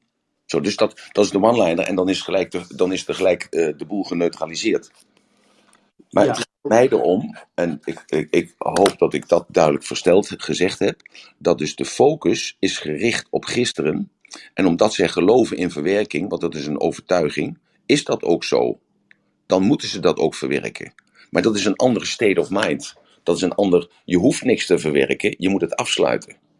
En dat, dat is iets, uh, want dat verwerken heb je niet nodig. Daarom vraagt men mij, oh, en Marjolein die vroeg mij zo net van, ja maar luister, maar moet je dat dan, moet je dan niet ingaan? Moet je het dan niet oplossen? Moet je dan niet weten waar het vandaan komt? Nee, want hoe meer je erin ingaat, hoe meer je ingezogen wordt in het negatieve. Want er is altijd wel een reden te bedenken waarom jij uh, s'morgens niet je bed uit kan komen. Er is altijd wel een reden te bedenken waarom jij geen loonsverhoging krijgt en die ander wel. Er is altijd wel een reden. Nee, het gaat om de oplossing van wat wil ik. En vanuit die, die, dat wat ik, ben ik gericht op morgen. En dat is de discussie eigenlijk. De focus is gericht op gisteren, omdat zij, men, gelooft in verwerking. En die verwerking zal compleet zijn op het moment dat wij 53 miljard betaald hebben. Dat is dus het momenteel het adagium. Daar, daar gaat het om, Robert. Dus ik, ik praat niet goed of fout. Ik zeg, dat, daar is men met de focus op gisteren en de focus moet op morgen gericht zijn. Ja, en als je de focus richt op gisteren, of dat nou goed is of niet, maar als je dat doet, ga dan geschiedenisboekjes in en Ja. kijk hoe toen de maatschappij werkte. Ja, maar En- jij, jij hebt geen recht van spreken, is dan het adagium en de overtuiging van de ander. Want jij kunt je niet inleven in de, eh, in de pijn en verdriet en de minderwaardigheid waarin eh, deze personen leven. Ja, als zij die focus aan willen houden, dan is dat hun Ja. overtuiging. Juist, Ehm, maar aan de andere kant ehm, leven we in een land waar ik ook mijn overtuiging mag hebben. juist. En door het uitspreken van mijn overtuiging kan ik er iets naast leggen bij die ander. Dat die ander denkt, oh ja, ik focus me heel erg op mijn ellende en ik vergeet de ellende van zoveel miljoenen anderen. Maar jij hebt gelijk, wij zijn het met elkaar eens. Alleen wij rationaliseren iets wat emotionaliteit is voor de ander. Ja, Maar zij hebben dus zelf die emotionaliteit zichzelf opgelegd. Ja, ja. ja. En, wij, en, en dat is de keuze. Dus meesterschap is wat jij doet. Jij rationaliseert en daardoor ga je daarboven. Dus je begrijpt het wel, want je rationaliseert dat. Je begrijpt het wel, alleen je rechtvaardigt het niet. En zij zitten in de emotie van, zij hebben alle begrip voor hun standpunt. En, eh, en, en rechtvaardigen het ook nog. ja. En hun focus belet hun, dus hun focus belet hun om te luisteren naar Juist. ander. Met respect te luisteren. Dus Ja, En dat is het, en dat is het, het uiteindelijk dus het meesterschap wat je kunt bereiken. En dat is het verschil wat er is, niet in, in abstractieniveau, maar in inzicht. En de techniek is zo, je kunt het zo objectief neerleggen. En daarom ben ik ook, ook daar zeg ik van kijk, wat kan er allemaal gebeuren? Dus we zijn allemaal mensen, we hebben ons controlesysteem, we hebben onze rituelen, we doen een aantal dingen doen we gewoon als vanzelfsprekend. We worden daarin gesteund vanuit de overheid. Nou, dus we denken we zijn daar goed mee bezig. En, als het, en dan toch komt er altijd nog iets tussendoor wat ons van slag maakt. En hoe kunnen we onszelf dan weer op de rit zetten? ja, leuk. Nou, dankjewel. Ik wil dit even toevoegen. Dankjewel. Nee, Robert, dankjewel. J- jij dankjewel. Ja, dankjewel Robert. Wat een, eh, inderdaad weer een, eh, een mooi nieuw inzicht erbij. En voor mij een nieuw woord met horigen. Want ik kende dat inderdaad uh, nog nooit van gehoord. Maar uh, dankjewel. En Emiel, wat bij mij nu naar te binnen schoot. Want inderdaad, Marjolein had het over van ja, hè, moet, ik met die, moet ik er dan doorheen of moet ik het nog negeren? En jij, wat ik nou bij jou begrijp, is dat voor jou, heb ik dat goed, dat ergens doorheen gaan, dat Ja. het voor jou betekent afsluiten. Afsluiten. Ja. Ja, en dat afsluiten, doe jij dat door het om te draaien naar wat wil ik? Ehm, nee, je moet begrijpen dat het afsluit, dan is het, ligt het achter je. Dat is een beslissing. Daarom hoor je mij vaak zeggen, je moet een beslissing nemen. Je moet een beslissing nemen. En zelfvertrouwen, dus dat is eventjes een, een, een, een ondersteuning voor mensen die het moeilijk vinden om beslissing te nemen. Dus juist door beslissingen nemen en je te houden aan die beslissingen, want een beslissing is een afspraak maken met jezelf of met anderen, maar vooral met jezelf. Hè, want ook een afspraak maken met anderen is een afspraak maken met jezelf. Hoe meer jij je houdt aan de afspraken die je met jezelf, zeker met anderen hebt gemaakt, hoe meer zelfvertrouwen krijg je. Want je wordt voorspelbaar. Niet alleen voor de ander, maar vooral voor jezelf. En dat is zelfvertrouwen. Dus je moet niet, z- niet zeveren over gisteren. Gisteren is gebeurd, dat kun je niet meer veranderen. Gisteren is geschiedenis. Morgen is een raadsel. We zullen nooit weten wat morgen zal brengen. Misschien zijn we morgen wel dood, of is een atoombom gevallen, of eh, weet ik veel wat. Of morgen komt er een engel eh, en we hoeven nooit meer te werken. We krijgen altijd te eten, dat komt gewoon uit de lucht vallen. Dus we weten dat niet. Maar vandaag is een geschenk. Dat is een present. Daarom is een present is een geschenk. Vandaag is een geschenk. En vandaag neem jij die beslissing. Vandaag neem jij de beslissing. En als je vanavond getoest hebt door middel van die drie vragen. Wat heb ik gegeven? Wat heb ik geleerd? Wat heb ik vandaag gedaan waar ik trots op mag zijn? Dan kom je tot de conclusie dat je je niet gehouden hebt aan de afspraken met jezelf. En dat is het mooie eraan. Morgen krijg je een nieuwe kans. Je hebt je wel gehouden aan die afspraken die je vandaag hebt gemaakt. Dan heb je dat geleerd. En bouw je dat zelfvertrouwen op. En dus morgen weet je gewoon dat je een betrouwbare vent bent of een betrouwbare vrouw bent voor jezelf, een betrouwbaar mens bent. Zo. Dus, dat, dus het is een self-fulfilling prophecy. En jij bepaalt dat rad, welke, welke kant dat rad opdraait. En als je, dan kom je in een vicieuze cirkel. En die vicieuze cirkel is, die leidt tot succes. Wat succes dat dan mogen wezen voor jou, want dat is een state of mind. Of het leidt je tot failure, tot mislukking. En wat mislukking dan voor jou ook mogen betekenen. En er zijn allerlei factoren die jou proberen, als je in het rad zit van succes, om jou eruit te halen. Want er zijn maar weinig mensen die in dat rad van succes zitten. Die meester zijn over zichzelf. En al die mensen die niet meester zijn over zichzelf, die proberen maar één ding. En dat is jou weg te trekken uit dat rad van succes. Want jij moet net zo'n loser zijn als dat zij zijn. En dat is oké als jij dat toestaat. Want als je dat namelijk toestaat, je staat, je bent één of twee dagen je in het rad van succes. Dus geest is uit de fles, zoals ik dat noem. En mensen trekken jou terug en je laat je verleiden om teruggetrokken te worden naar een negatieve vicieuze cirkel. Omdat je graag bij de groep wil horen. Dan weet jij, als jij s'avonds stilletjes in je bed ligt en je stelt jezelf die drie vragen. Wat heb ik vandaag gegeven? Ja, ik heb vandaag eigenlijk niks gegeven, want ik had niks te geven. Wat heb ik vandaag geleerd? Ja, ik heb vandaag helemaal niks geleerd, want ik voel me eigenlijk shit. Wat heb ik vandaag gedaan waar ik trots op kan zijn? Ja, ik heb helemaal niks gedaan waar ik trots op kan zijn, want ik heb mijn niveau verlaagd. Hoe slaap jij dan? Ja, dan slaap ik slecht. Oké, en wat doe ik dan? Dan neem ik een pilletje. En als ik een pilletje uh, genomen heb, s'avonds om 10 uur, hoe voel ik me dan morgens om 7 uur? Dan voel ik me nog shitter als gisteren, want het pilletje werkt nog even door. Dus dan is dat de schuld van de dokter. En dat is de schuld van het systeem. En dat is de schuld van een farmaceut. En dat is de schuld van het systeem waar ik in werk en woon en leef. Bah, wat een vervelende maatschappij is dit. Nou, ik moet maar gaan snel vertrekken. Nou, oprotten dan. Wegwezen jij dan, zeg ik dan. Maar het ligt bij jezelf. Het heeft niets met al diegenen te maken waarin jij probeert de schuldvraag neer te leggen. En daarom zeg ik tegen Marjolein, niet proberen een excuus te verzinnen, want dat probeer je namelijk. Niet in het verleden te gaan graven, want het gaat alleen maar stinken. Want er is altijd wel iets wat jou niet bevalt, wat je tegenkomt. En daardoor moet je weer, weer verder gaan experimenteren, moet je weer verder in therapie. En zo kom je in regressietherapie, hebben we het ook wel eens een keer eerder over gehad. Of je moet een familieopstelling doen. Allemaal bullshit. Allemaal placebo's. Jezelf, jij bent de meester. Het ligt niet buiten jou, het ligt in jou. God is niet in de hemel. God staat niet naast jou. God zit in jou. Jij bent God. Met hoofdletters geschreven. En of je dat Allah noemt, of Boeddha noemt, of Krishna noemt, het maakt niet uit. Het is allemaal een andere naam voor dezelfde geest, voor dezelfde energie. En dat is liefde en dat is licht. En als het anders is, hoor ik het graag. Dan ga ik graag in discussie met jou of met iemand anders die je daar gewoon andere mening toe gedaan heeft. Nou, het lijkt me een uh, hele, hele mooi duidelijke uitleg. En helemaal hoe je, hoe je dit, dit einde, dat, dat ja. Dat, en nu begrijp ik het. Ja. Ik ben Nu, er ook een beetje nu begrijp je ook waarom heel veel mensen een hekel aan mij hebben. Want die zitten s'avonds denken bij zichzelf, die Ratelband heeft dat gezegd. Wat ben ik toch een loser dat ik dat niet doe, dat ik dat niet volhoud, dat ik dat niet zet.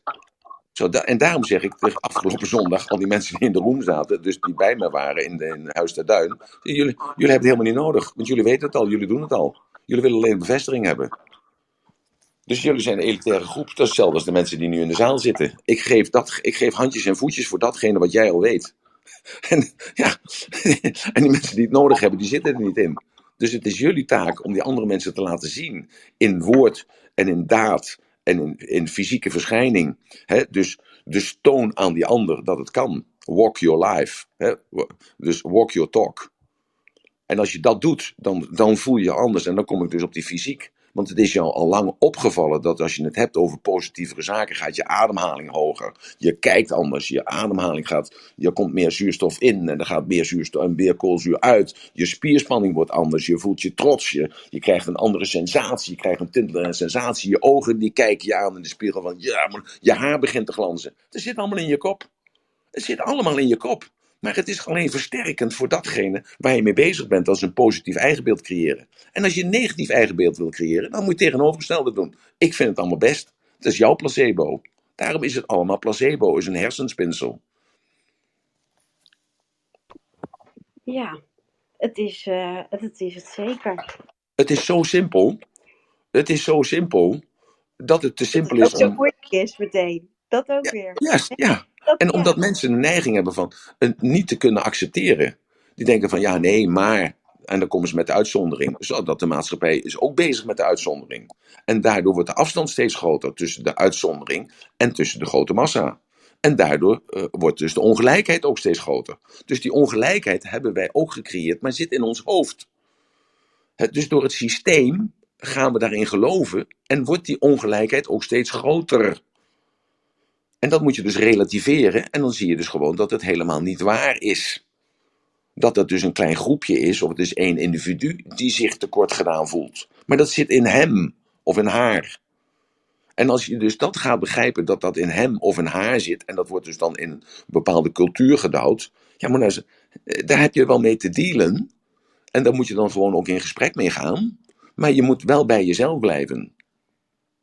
En begrijpen dat je verder bent. Want jij bent al meester, of misschien ben jij de gezel. En die andere is de leerling, of die andere die, die is nog helemaal niet eh, aan het leerling zijn toe. Want dat is ook een metafoor. Want je hoeft geen diploma te halen. Je, moet niet een, een, een, je krijgt niet een certificaat van de school des levens. Die krijg je niet. Dus jij zelf bepaalt waar je bent. En er is altijd iemand die het, die het beter weet, die meer ervan op gestudeerd heeft of er langer aandacht aan heeft gegeven. En daarom is het zo mooi in deze tijd met levenservaring. Vroeger was het zo, je ging naar de psycholoog of je ging naar de huisarts. En vandaar, maar die praat vanuit gemiddelden. Nou, je bent geen gemiddelde, want je bent een vrouw van 34 met een verleden wat vreselijk is. Of je bent een man van 74 met een verleden wat fantastisch is geweest en nog nooit een tegenslag heeft gehad. En Die heeft wel tegenslagen gehad, maar is op een andere manier mee overweg gegaan. En die komt bij een arts en die praat vanuit gemiddelden. Dus je krijgt een gemiddeld pilletje en je krijgt een gemiddeld gesprek. Totdat je bij iemand komt die levenservaring heeft. En die dus die ervaring omgezet heeft om andere mensen te helpen. En daar krijg je dus een expliciet verhaal. En als dat verhaal niet expliciet bij jou past, dan ga je naar een andere levenservaringsdeskundige heen. En totdat je de zeven hebt bezocht en dan ontmoet je iemand die precies hetzelfde meegemaakt heeft als jij meemaakt. Waar jij middenin zit. En hij of zij vertelt jou van, het gaat allemaal voorbij. Dus, maar geniet van het proces. Want weet je wat het mij gebracht heeft? Het heeft mij gebracht een andere relatie. Het heeft mij gebracht een andere gezondheid. Het heeft mij gebracht een andere plaats waar ik gelukkig ben. Het heeft mij gebracht dat ik nu weet waarom ik op deze, leven, op deze wereld ben. En dan pas ga jij inzien op dit moment dat de shit waar jij in zit de grootste zegen is die in je leven is gebeurd. Want dat zorgt ervoor dat jij drastisch je leven kunt veranderen. Maar dat kun je alleen maar vertellen aan iemand die dat al meegemaakt heeft. En je kunt het alleen maar vertellen aan iemand die in de stront zit. Want hij of zij zal die reikende hand, die hand die jij hem toereikt, zal hem grijpen. En dat is het verschil waar we naartoe groeien. Dus die kansongelijkheid die er is, bestaat in het hoofd en zal, is ook weer een fase in het groeiproces waar we in zitten. Want we zijn bezig met, diezelfde, met die laatste stap, die zelfrealisatie. En dat is de strijd die geleverd moet worden. Daar hebben we gisteren uitvoerig over gehad. Omdat de machthebbers zullen alles doen, maar dan ook alles doen om ervoor te zorgen dat het gewone volk, dat de massa, geen toegang krijgt tot datgene waar zij, toegang, waar zij al even toegang toe hebben. Want er is niks nieuws onder de zon. Nou, niet te veel afdrijven, Ratelband. nou, maar en toch, en toch is het helemaal niet afdrijven. En wat je ook altijd zo mooi zegt, alles is één en alles is met elkaar verbonden. En Ja. zo ook wat je ons nu vertelt. En ja, ik moet heel eerlijk zeggen, ik ben gewoon echt een een beetje, een beetje, een beetje bobbel onder de indruk wat een uitzending dit is. En waar, wat er hier naar boven komt. En, en wat je, je bent gewoon echt weer mega op dreef, Emiel. En Was ik gisteren niet op dreef dan? Jawel, ook. Maar ik voel, ik voel, op een of andere manier voel ik toch ook weer een andere vibe bij je vandaag. En, ik, en in de weekjes misschien een beetje apart om dat nu zo te brengen. Maar de, ja, ook dat verandert. En dat is ook per dag verschillend. En ik, ja, je, zit, je bent nu weer zo vanuit je tenen aan het vertellen. De kracht en ja, dat meesterschap wat we allemaal hebben. En dan denk ik, ja, dit is precies wat we nu nodig hebben. En wat jij ook voor ons en voor heel veel meer mensen kan betekenen. Dus daarom, ik ben zo gelukkig dat dit doorgaat en dat we dit met elkaar in de lucht houden. En gewoon iedere ochtend om negen uur de lucht in knallen. Dus ja, Maar nou, daarom is het zo denk, Ik moest belangrijk. er even uit. Ja, dankjewel, lieve schat. Hartstikke mooi dat je dat zegt. Maar het gaat erom, ken u zelf. En daarom ben ik begonnen om even te vertellen van die lange nek en die korte nek. Dus dat die body logic er voornamelijk is. Herinner je nog dat alle maten gemeten werden? Hè? En achteraf kreeg ik het verwijt, ja, je, we gebruiken het helemaal niet. Waarop ik zei, heb je dan niet, heb je dan niet gezien dat ik elke keer keek op, eh, eh, op die etiketten? Eh, dat ik elke keer keek eh, naar die formulieren die ingevuld waren, hoe groot het hoofd was. Weet je nog, met Edith daarvoor? Ja, dat ik zei van eh, ze heeft een klein hoofd of een groot hoofd. Maar ik dacht bij mezelf, het klopt helemaal niet, maar ik maakte een rekenfout. Hè? 21 centimeter bij 189 eh, centimeter. En ik, ja, dus, ehm, dus, dus alles heeft met elkaar te maken.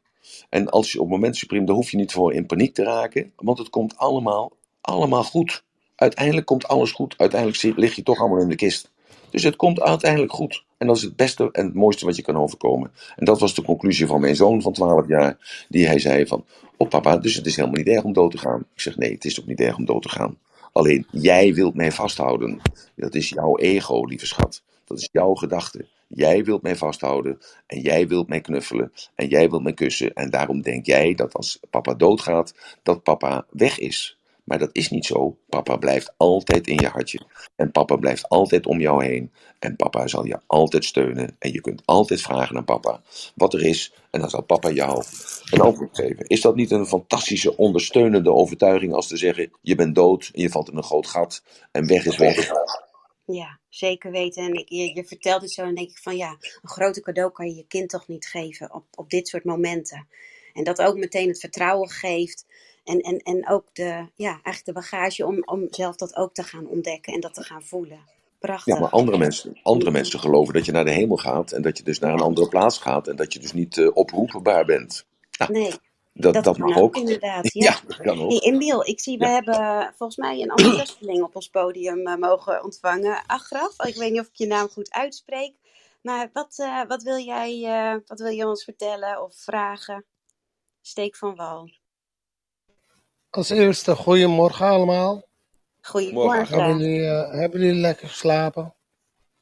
Uitstekend. Ik slaap altijd goed, kerel. Heerlijk, dan is het goed, eh, kerel. Nou, eh, waar ik het even een beetje over wil hebben. eh, ja, ik wil even terug naar eh het gebeurtenis van de afgelopen dagen. We praten wel en eh, ik ben nog steeds eh, in de shock, in de verdriet, eh, in de rouw. Wat er afgelopen dagen, eh, wat er eh, afgelopen tijd is gebeurd met Peter R. de Vries.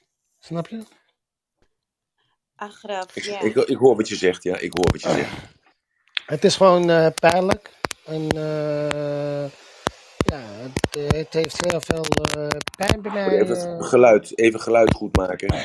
hoort u me goed? Nee, ja, maar je zit een, een, een knalletje in of zo. Dat is Ja. heel irritant. Nou. heb, jij, heb jij oortjes in toevallig? Of, Ik eh, heb oortjes. Ja, ik heb Ja. oortjes. Het scheelt vaak wel als je gewoon rechtstreeks eh, in de microfoon zonder oortjes spreekt. Dan is het geluid vaak beter. Zou je het willen proberen?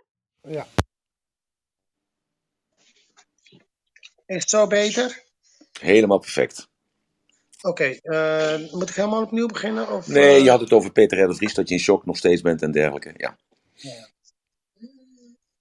Eh, ik zeg eerlijk, eh, we zijn in Nederland en eh, ik zeg eerlijk, voor zulke dingen van staataanval eh, wil ik gewoon dat wij met z'n allen gaan staan en dat we echt de strafverhoging moeten opeisen. Want dit, dit kan niet en dit wordt zo druk ook dat er, als wij zo door blijven en als we onze bekken houden en onze monden dicht houden en blijven stilstaan als burgers van Nederland.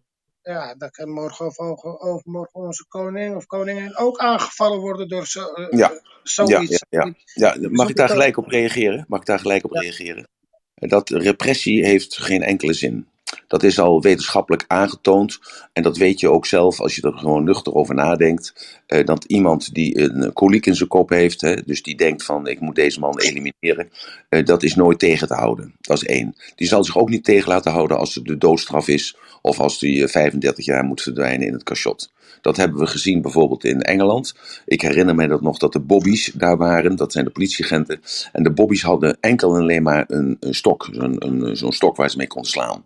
En de criminaliteit was, eh, was heel laag. Er gebeurden natuurlijk wel zaken, maar de moorden die er gebeurden, dat was, eh, ik weet de getallen niet, maar laten we maar zeggen, dat was 1 op de 100.000 hè, per, per inwoner.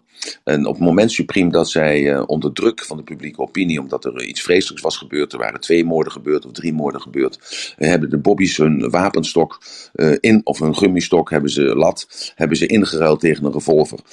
en daarmee is eigenlijk een soort keten van oorzaak en gevolg in werking getreden. Dat er de, de doden, het moorden van 2 per 100.000 steeg naar iets van 20 per 100.000. Dus dat is het antwoord niet. Het antwoord ligt veel meer in een soort, eh, net als met ziektes, ligt hem veel meer in het voorkomen dan het genezen. En daar zijn we in Nederland zijn we daar heel druk mee bezig op allerlei vakken. Kijk naar begeleiding van kinderzorg, eh, Raad van de Kinderarbeid. Kijk naar eh, consultatiebureaus. Kijk naar opvoeding die gebeurt. eh, Als die thuis niet meer gebeurt, gebeurt het op school. Krijg allerlei denkbeelden daar die men thuis niet krijgt. Het, bijwerk, het huiswerk wordt meer begeleid. De opvoeding en de opleiding worden steeds verhoogd, waardoor het abstractieniveau van mensen stijgt. En daardoor automatisch dus criminaliteit zakt. En dat zie je ook heel duidelijk. Zie je dat in de gevangenis. Je ziet dat heel duidelijk in het, uh, op de rechtbank. Je ziet dat ook duidelijk in het ziekenhuis. Daar zijn dus de, mensen die daarmee in aanraking komen. Dat zijn uh, 85% mensen die uh, of een immigrantenachtergrond hebben. Dat zijn of de eerste generatie, tweede generatie. En de derde en de vierde generatie zijn bijna niet meer daarin uh, te vinden.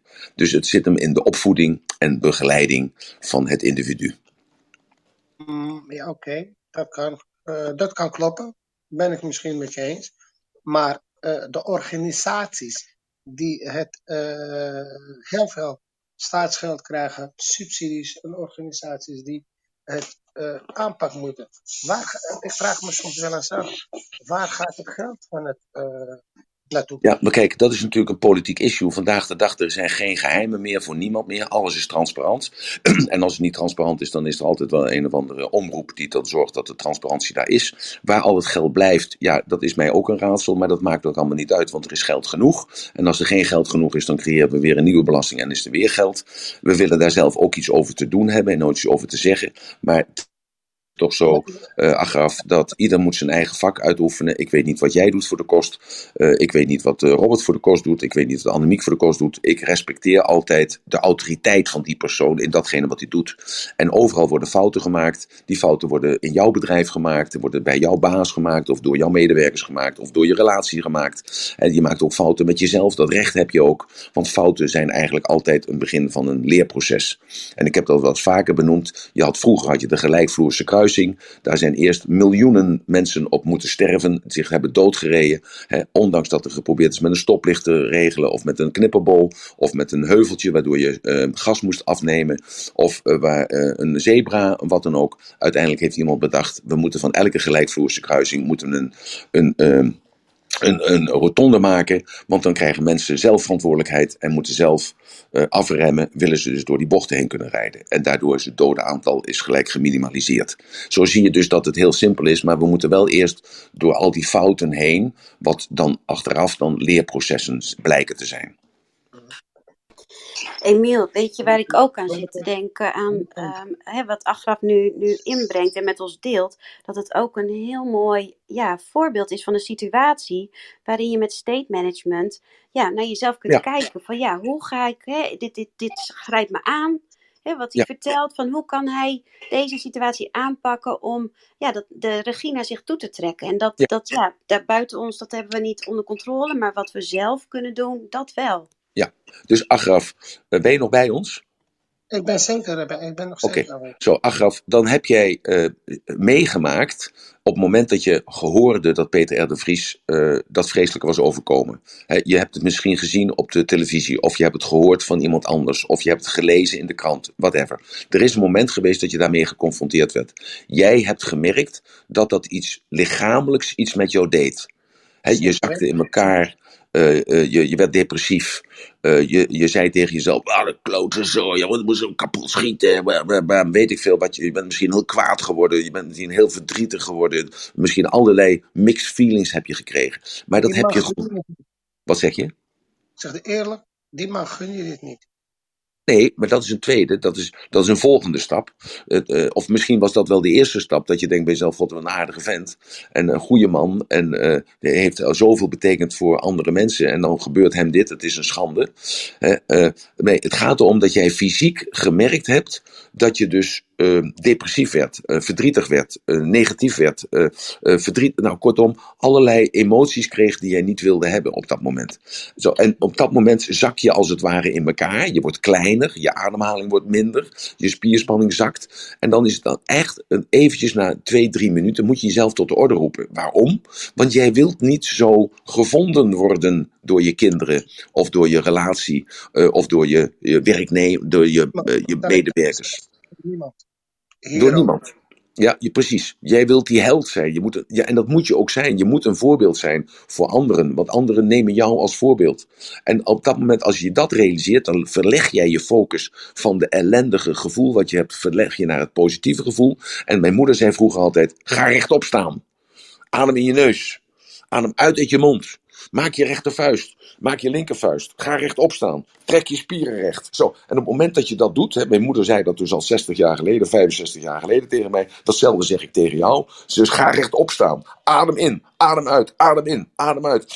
Net zolang dat je eigenlijk niet meer kan. Zo. En span die spieren allemaal. En dan verdwijnt dat negatieve gevoel. Dan verdwijnt dat verdriet. Dan verdwijnt die kwaadheid. Dan, dan kom je weer in je eigen kracht. En als jij in je eigen kracht staat, dan zeg jij: Weet je wat ik ga doen? Ik ga in de hele buurt ga ik geld verzamelen. En ik ga een hele bos mooie rozen maken voor eh, hem. En ik, eh, ik ga dat brengen naar het ziekenhuis. Voor die verpleegsters. Of voor zijn twee kinderen. Voor zijn zoon en voor zijn dochter. En voor zijn vrouw. En ik ga iets positiefs doen. Waardoor de andere betrokkenen er positief in staan. En misschien net dat kleine beetje nog kunnen doen. Waardoor zijn leven gered wordt. Of net dat kleine beetje doen. Waardoor die zoon gaat zeggen van oké, we moeten verder. eh, papa komt er overheen. En laat ons met rust. En, zo. en dan draag jij je steentje bij.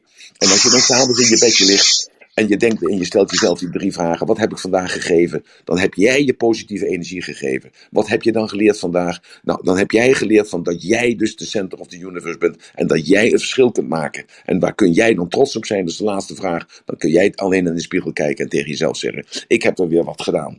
Zo. En dan ligt het bij jou. En dan verdwijnt dus, dan blijft, de, eh, dan blijft natuurlijk het verlies. En het blijft het pijnlijk. En het blijft allemaal hoe erg het is. Maar dan overvleugelt het positieve gevoel van jezelf. En dan kun jij als, eh, als, als, als hulp, dan belt je bij de politie aan vanuit het positieve gevoel van. Maar luister, ik wil wat bij mij in de buurt doen. Of ik wil een, een vertaalmodus maken. Of ik wil, hoe kan ik jullie helpen? Of wat voor een actiecomité kunnen we oprichten? Dat, dat er zoiets niet meer gebeurt. Of dat zulke soort mensen een andere gedachte krijgen. Nou, en dan ligt het bij jou.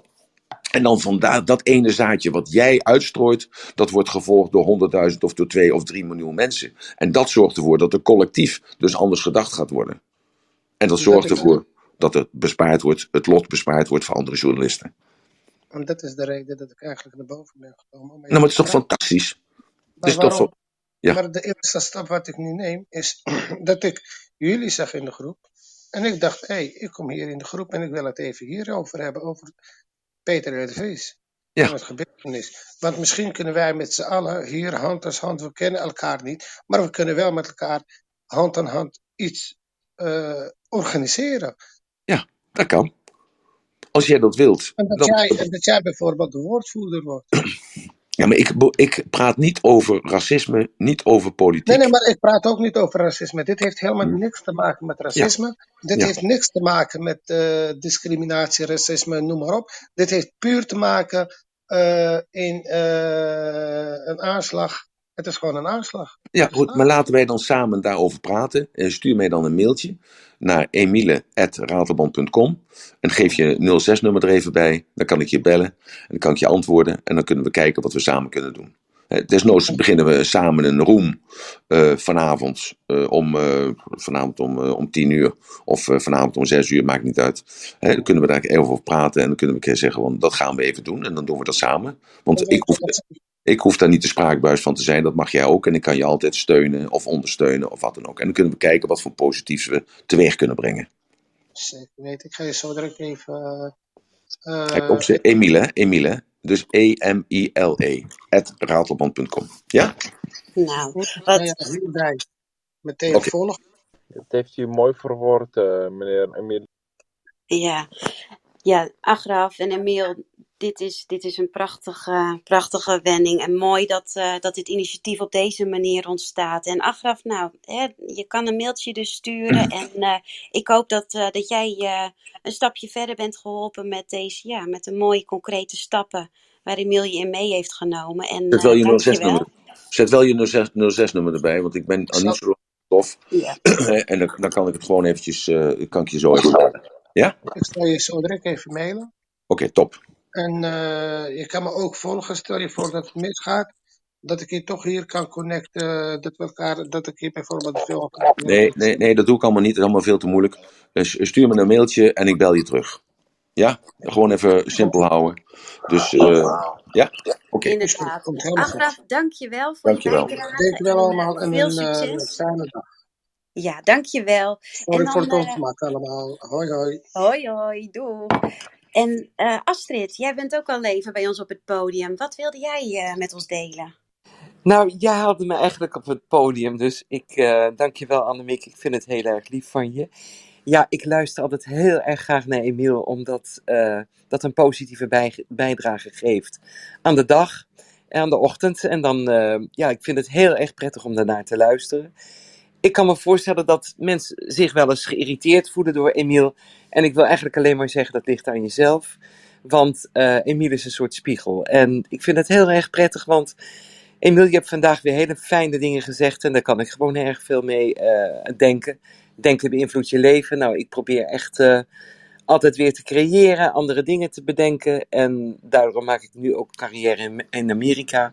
Dat vind ik heel erg leuk. Dus eh, ja, ik ben heel erg blij om hier op het podium te zijn. En fijne, positieve wending aan de dag. Dank je wel. Nou, dankjewel Astrid, dankjewel voor de lieve woorden. En mag ik vragen wat je doet in Amerika?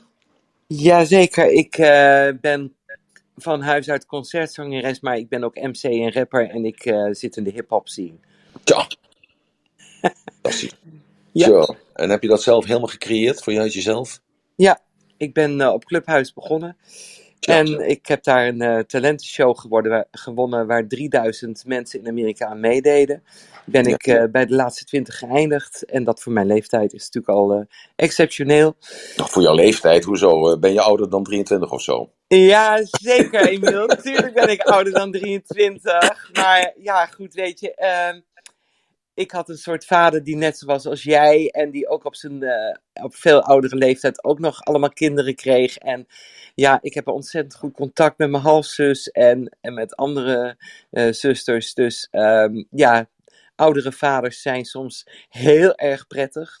En dat heb ik zelf ook mogen ervaren. Want mijn vader was ook ver in de 40 en moeder ook toen ze mij kregen. Mhm. En ja, dat, eh, dat is eigenlijk wel heel erg iets wat ik, wat, wat ik mijn hele leven iets aan heb. Aan een vader die, eh, die me door dik en dun gesteund heeft. En die ook op oudere leeftijd tot zijn 85ste nog directeur van een fabriek was. En Ja. vijf hele dagen werkte. Ja. Hij is ook bijna 90 geworden.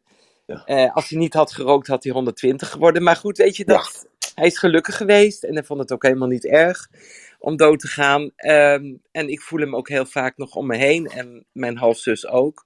Ja. En die zit in de financiële wereld. Die is dokter eh, internationaal management. Dus wij, hebben, wij zijn de twee carrièrevrouwen van zijn vijf dochters, zeg maar. Ja. En ja, goed, Amerika is. ehm, ik werk nu echt met wereldberoemde producers zoals Tony Pizarro.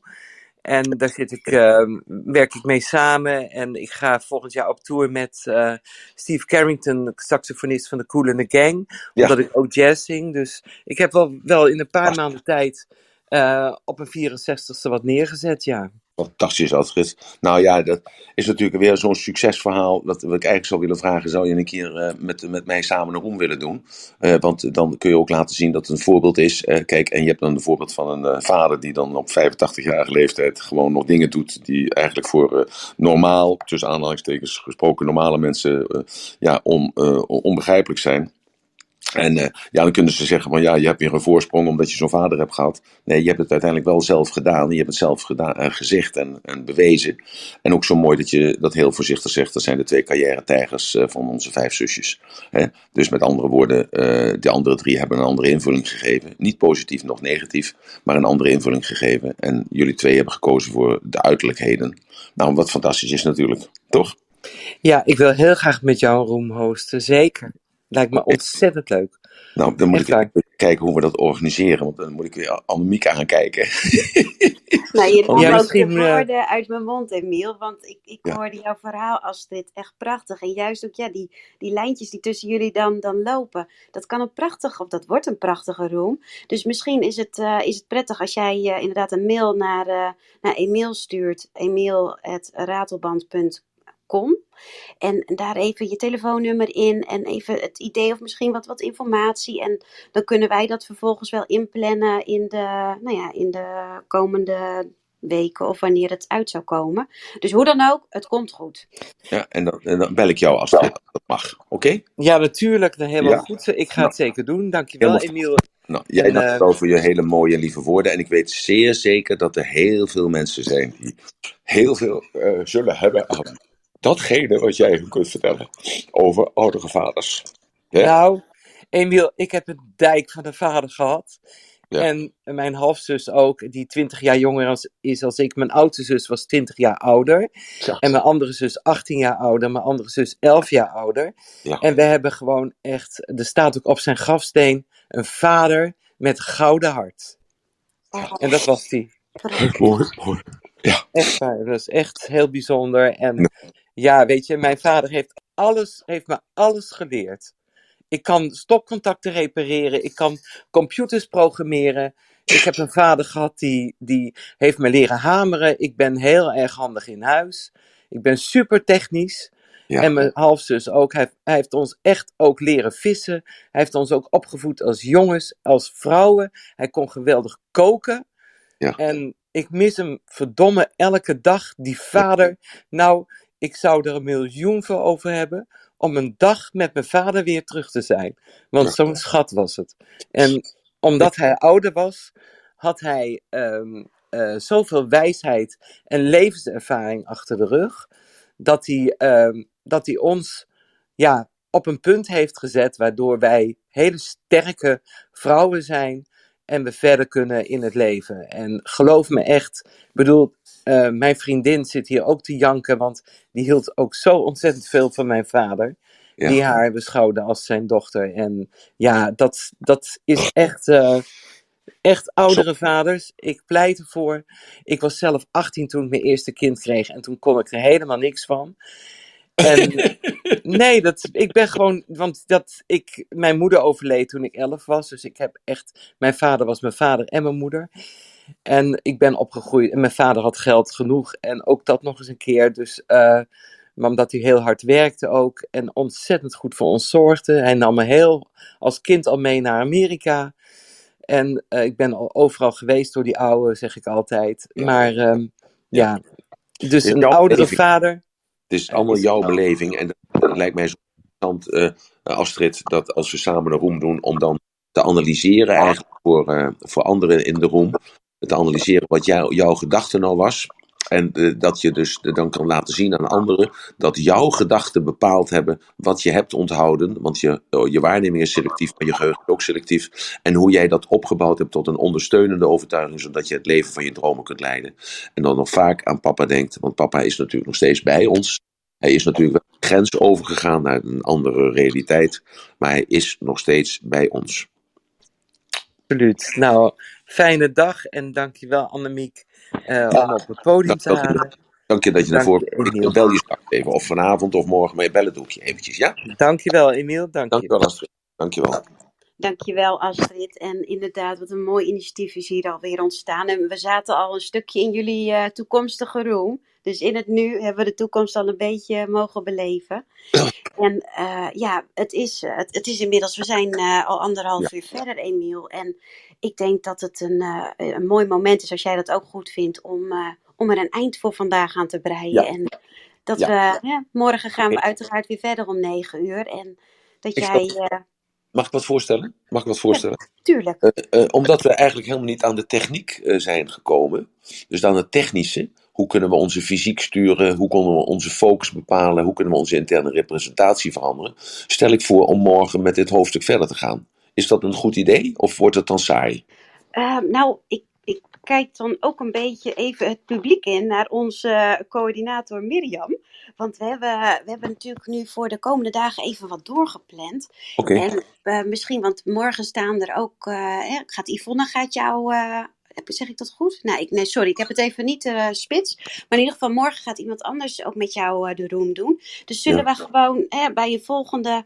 Dat, nou ja, dat ik er weer in spring en dat we dan hier een vervolg aan geven. Of op een ander moment. Maakt eigenlijk niet uit, maar het komt goed. We gaan hier een vol- vervolg aan geven. Zullen we het gewoon zo afspreken? nou oké, Ja? Maar, dus, maar het, het, het, het lijkt mij dat nu iedereen in de room zit, dat we dan een dag moeten geven of een tijdstip moeten geven wanneer we dan een vervolg hierop doen. Ja, heel graag. Emiel, want ik werd gelijk eh, helemaal enthousiast. Ja, nou, Ja. ik, ik zou dan willen voorstellen, donderdag, volgens mij eh, volgende week donderdag, dat eh, de planning daar tot en met donderdag is die gevuld. En Ja. dat, dat ik dan bijvoorbeeld volgende week donderdag weer pak en dat wij hierop verder gaan. Of kunnen we de flexibiliteit opbrengen om to- dus toch morgen hiermee door te gaan? Ja, ik vind hem goed. Weet je, het, we gaan hem in de app, we halen hem eventjes hier uit de room, gaan we hem zo in de, in de app even verder inplannen. En eh, sowieso in de kalender passen we het dan aan. Dus dan voor de luisteraars, als jullie willen weten waar, wanneer het topic terugkomt, dan kun je het ook in de, in de kalender terugzien. Zullen, is dat handig? Ja, maar omdat mensen zitten nu in de room, dan moeten ze weer kijken en zo. Dus Ja. daarom Nou, is, zullen we gewoon flexibel zijn, morgen hier verder op gaan? ja, is dat, is- Ja? zijn, zijn er mensen die daar bezwaar tegen hebben? Oh, kijk, ik, ik zie onze, onze coördinator komt onstage. Ja. Fijn, dankjewel. Oh, wacht. Ja, daar ben je. Ja, hoi. Hey. Ehm, ja, ik, ik stel voor om het eh, programma anders even in de, mm, of in de bio eh, van eh, iemand te zetten. Dan kunnen we allemaal kijken wanneer wat is. En de, de, de volgende onderwerpen worden nog aangepast, maar die moeten nog heel even besproken worden. Maar het is ook een idee om morgen even op dit eh, verder te gaan. En eventueel dit nog een keer op een andere moment, op een ander, andere wijze te, te formuleren. Ja, dus, dus morgen doen we gewoon het vervolg van state management in de harde praktijk. Ja. Oké, en morgenochtend om 9 uur. Morgen is het zaterdag volgens mij. Ik ben echt een beetje verteld. Ja, eh, klopt. Ja, Met ja, Ingrid. Zit morgen bij eh, SAS. Ja. Nou, dan doen we dat morgen. Doen, maar brengen we vervolg. En dan, eh, dan gaan we gewoon hierop verder. Dat lijkt me ook goed. Dan weten mensen van het is de moeite waard om morgen in te tunen of niet. Eh, ik spreek dan eh, Astrid even straks als ik die mail gekregen heb. En eh, meneer eh, met zijn naam. En eh, nou ja, komt helemaal goed. Helemaal Ja. goed. We gaan Oké. het regelen. En dit is toch ook weer een mooi voorbeeld van hoe hè, achter de schermen zijn we ook bezig met elkaar om hè, de modus te vinden om, om dit op een zo mooi mogelijke manier met elkaar te gaan doen. Dus ja, ook weer een, eh, ook mooi dat dit zo in het openbaar transparant kan. Want volgens Ja. mij was de transparantie was ook een van de dingen, Emiel, die jij aanstipte. Ja, ik wil gewoon Ja. dat alles open is. En walk your talk. Hè? En eh, door die openheid juist en, en meedenken van iedereen kan alleen de kwaliteit verhoogd worden. Want ik heb natuurlijk niet alleen de wijsheid in pacht. Eh, dankzij jullie allemaal met z'n twaalf die erbij gekomen zijn. Hè, dus eh, de, de dames en de twee heren. Pascal en Ron erbij. En eh, de dames allemaal. Dus dat, dat geeft ook gewoon een heel goed gevoel voor mezelf. Dat ik niet alleen sta. Gisteren zei ik nog, of vanochtend zei ik nog van... ik heb ook een echte vrouw nodig die mijn handje vasthoudt. Dus wat dat betreft, jullie doen dat helemaal perfect. Hè? Dus super. Nou, ik, ik ben er heel blij mee dat we, eh, dat we de flexibiliteit kunnen vinden om morgen over dit onderwerp door te gaan. Want we zijn het anderhalf uur aan de lucht. En voor veel mensen wordt het dan ook eh, te langdradig of te lang. En ze hebben ook hun verplichtingen. Ja, mooi moment Ja, om eh, met het ratelbandje af te sluiten. Nou, een ratelbandje voor vandaag is dan, eh, ja, heb de moed om terug te komen op een eerder genomen beslissing. Dat is eigenlijk eh, wat, ik- dat, wat me te binnen schiet. Want dat hebben we nu met elkaar. We veranderen dus het schema voor de komende week. Eh, dus eh, we zetten dit voort, de state management in de harde praktijk. Dat gaat morgen worden. Dus we eh, komen dus terug op een eerder genomen beslissing. We hebben net een beslissing genomen van we moeten meer eh, orde creëren. We moeten meer voorspelbaarheid creëren. En nou, Ratelband zegt in één keer weer van nee, dat moeten we niet doen. We moeten gewoon toch, toch die lijst doorbreken. En we gaan morgen gewoon verder op datgene waar we vandaag mee gestopt zijn. Dus neem daar een voorbeeld aan in jouw leven. Kom terug op een eerder genomen beslissing. Als je vanochtend besloten had om geen kopje koffie meer te drinken, dan mag je toch weer rustig een lekker kopje koffie nemen. En had je besloten om vandaag gewoon niet op te schrijven wat je eigenlijk in je leven wilt gaan bereiken, dan mag je terugkomen op die eerder genomen beslissing en mag jij nu op gaan schrijven voor datgene wat jij wilt gaan bereiken op je leven. Dank jullie wel voor deze hele mooie uitzending en voor deze lieve uitzending en voor al die mooie woorden en lieve woorden en die gedachten die allemaal verspreid werden door jullie allemaal voor deze positieve energie, om dat maar zo te benoemen. En dan hoop ik jullie morgen weer te mogen ontmoeten, morgenochtend om 9 uur. Dank jullie wel en tot morgen. Een mooie dag. Tot morgen, Emiel. En, eh, en Marjolein, Robert, Astrid, Mirjam, dank jullie wel voor jullie bijdrage. En eh, dat jullie er vandaag eh, ook weer bij zijn. En nou ja, zoals jullie hoorden, morgen om 9 uur zijn we er weer. En het, nou ja, het mooie is, dit is ook weer allemaal opgenomen. Al die kennis, al die prachtige voorbeelden waar we mee zijn genomen, die liggen vastgelegd. En een stukje legacy van Emiel is daarmee eh, ja, werkelijkheid geworden. Waar jullie, we, ik en, en een heleboel andere mensen in de toekomst ook nog heel veel plezier van kunnen beleven. Nou, ik wens jullie allemaal een prachtige dag. En maak er weer wat moois van. En hou die positieve vibe er lekker in. Tot morgen. Tot morgen. Dag.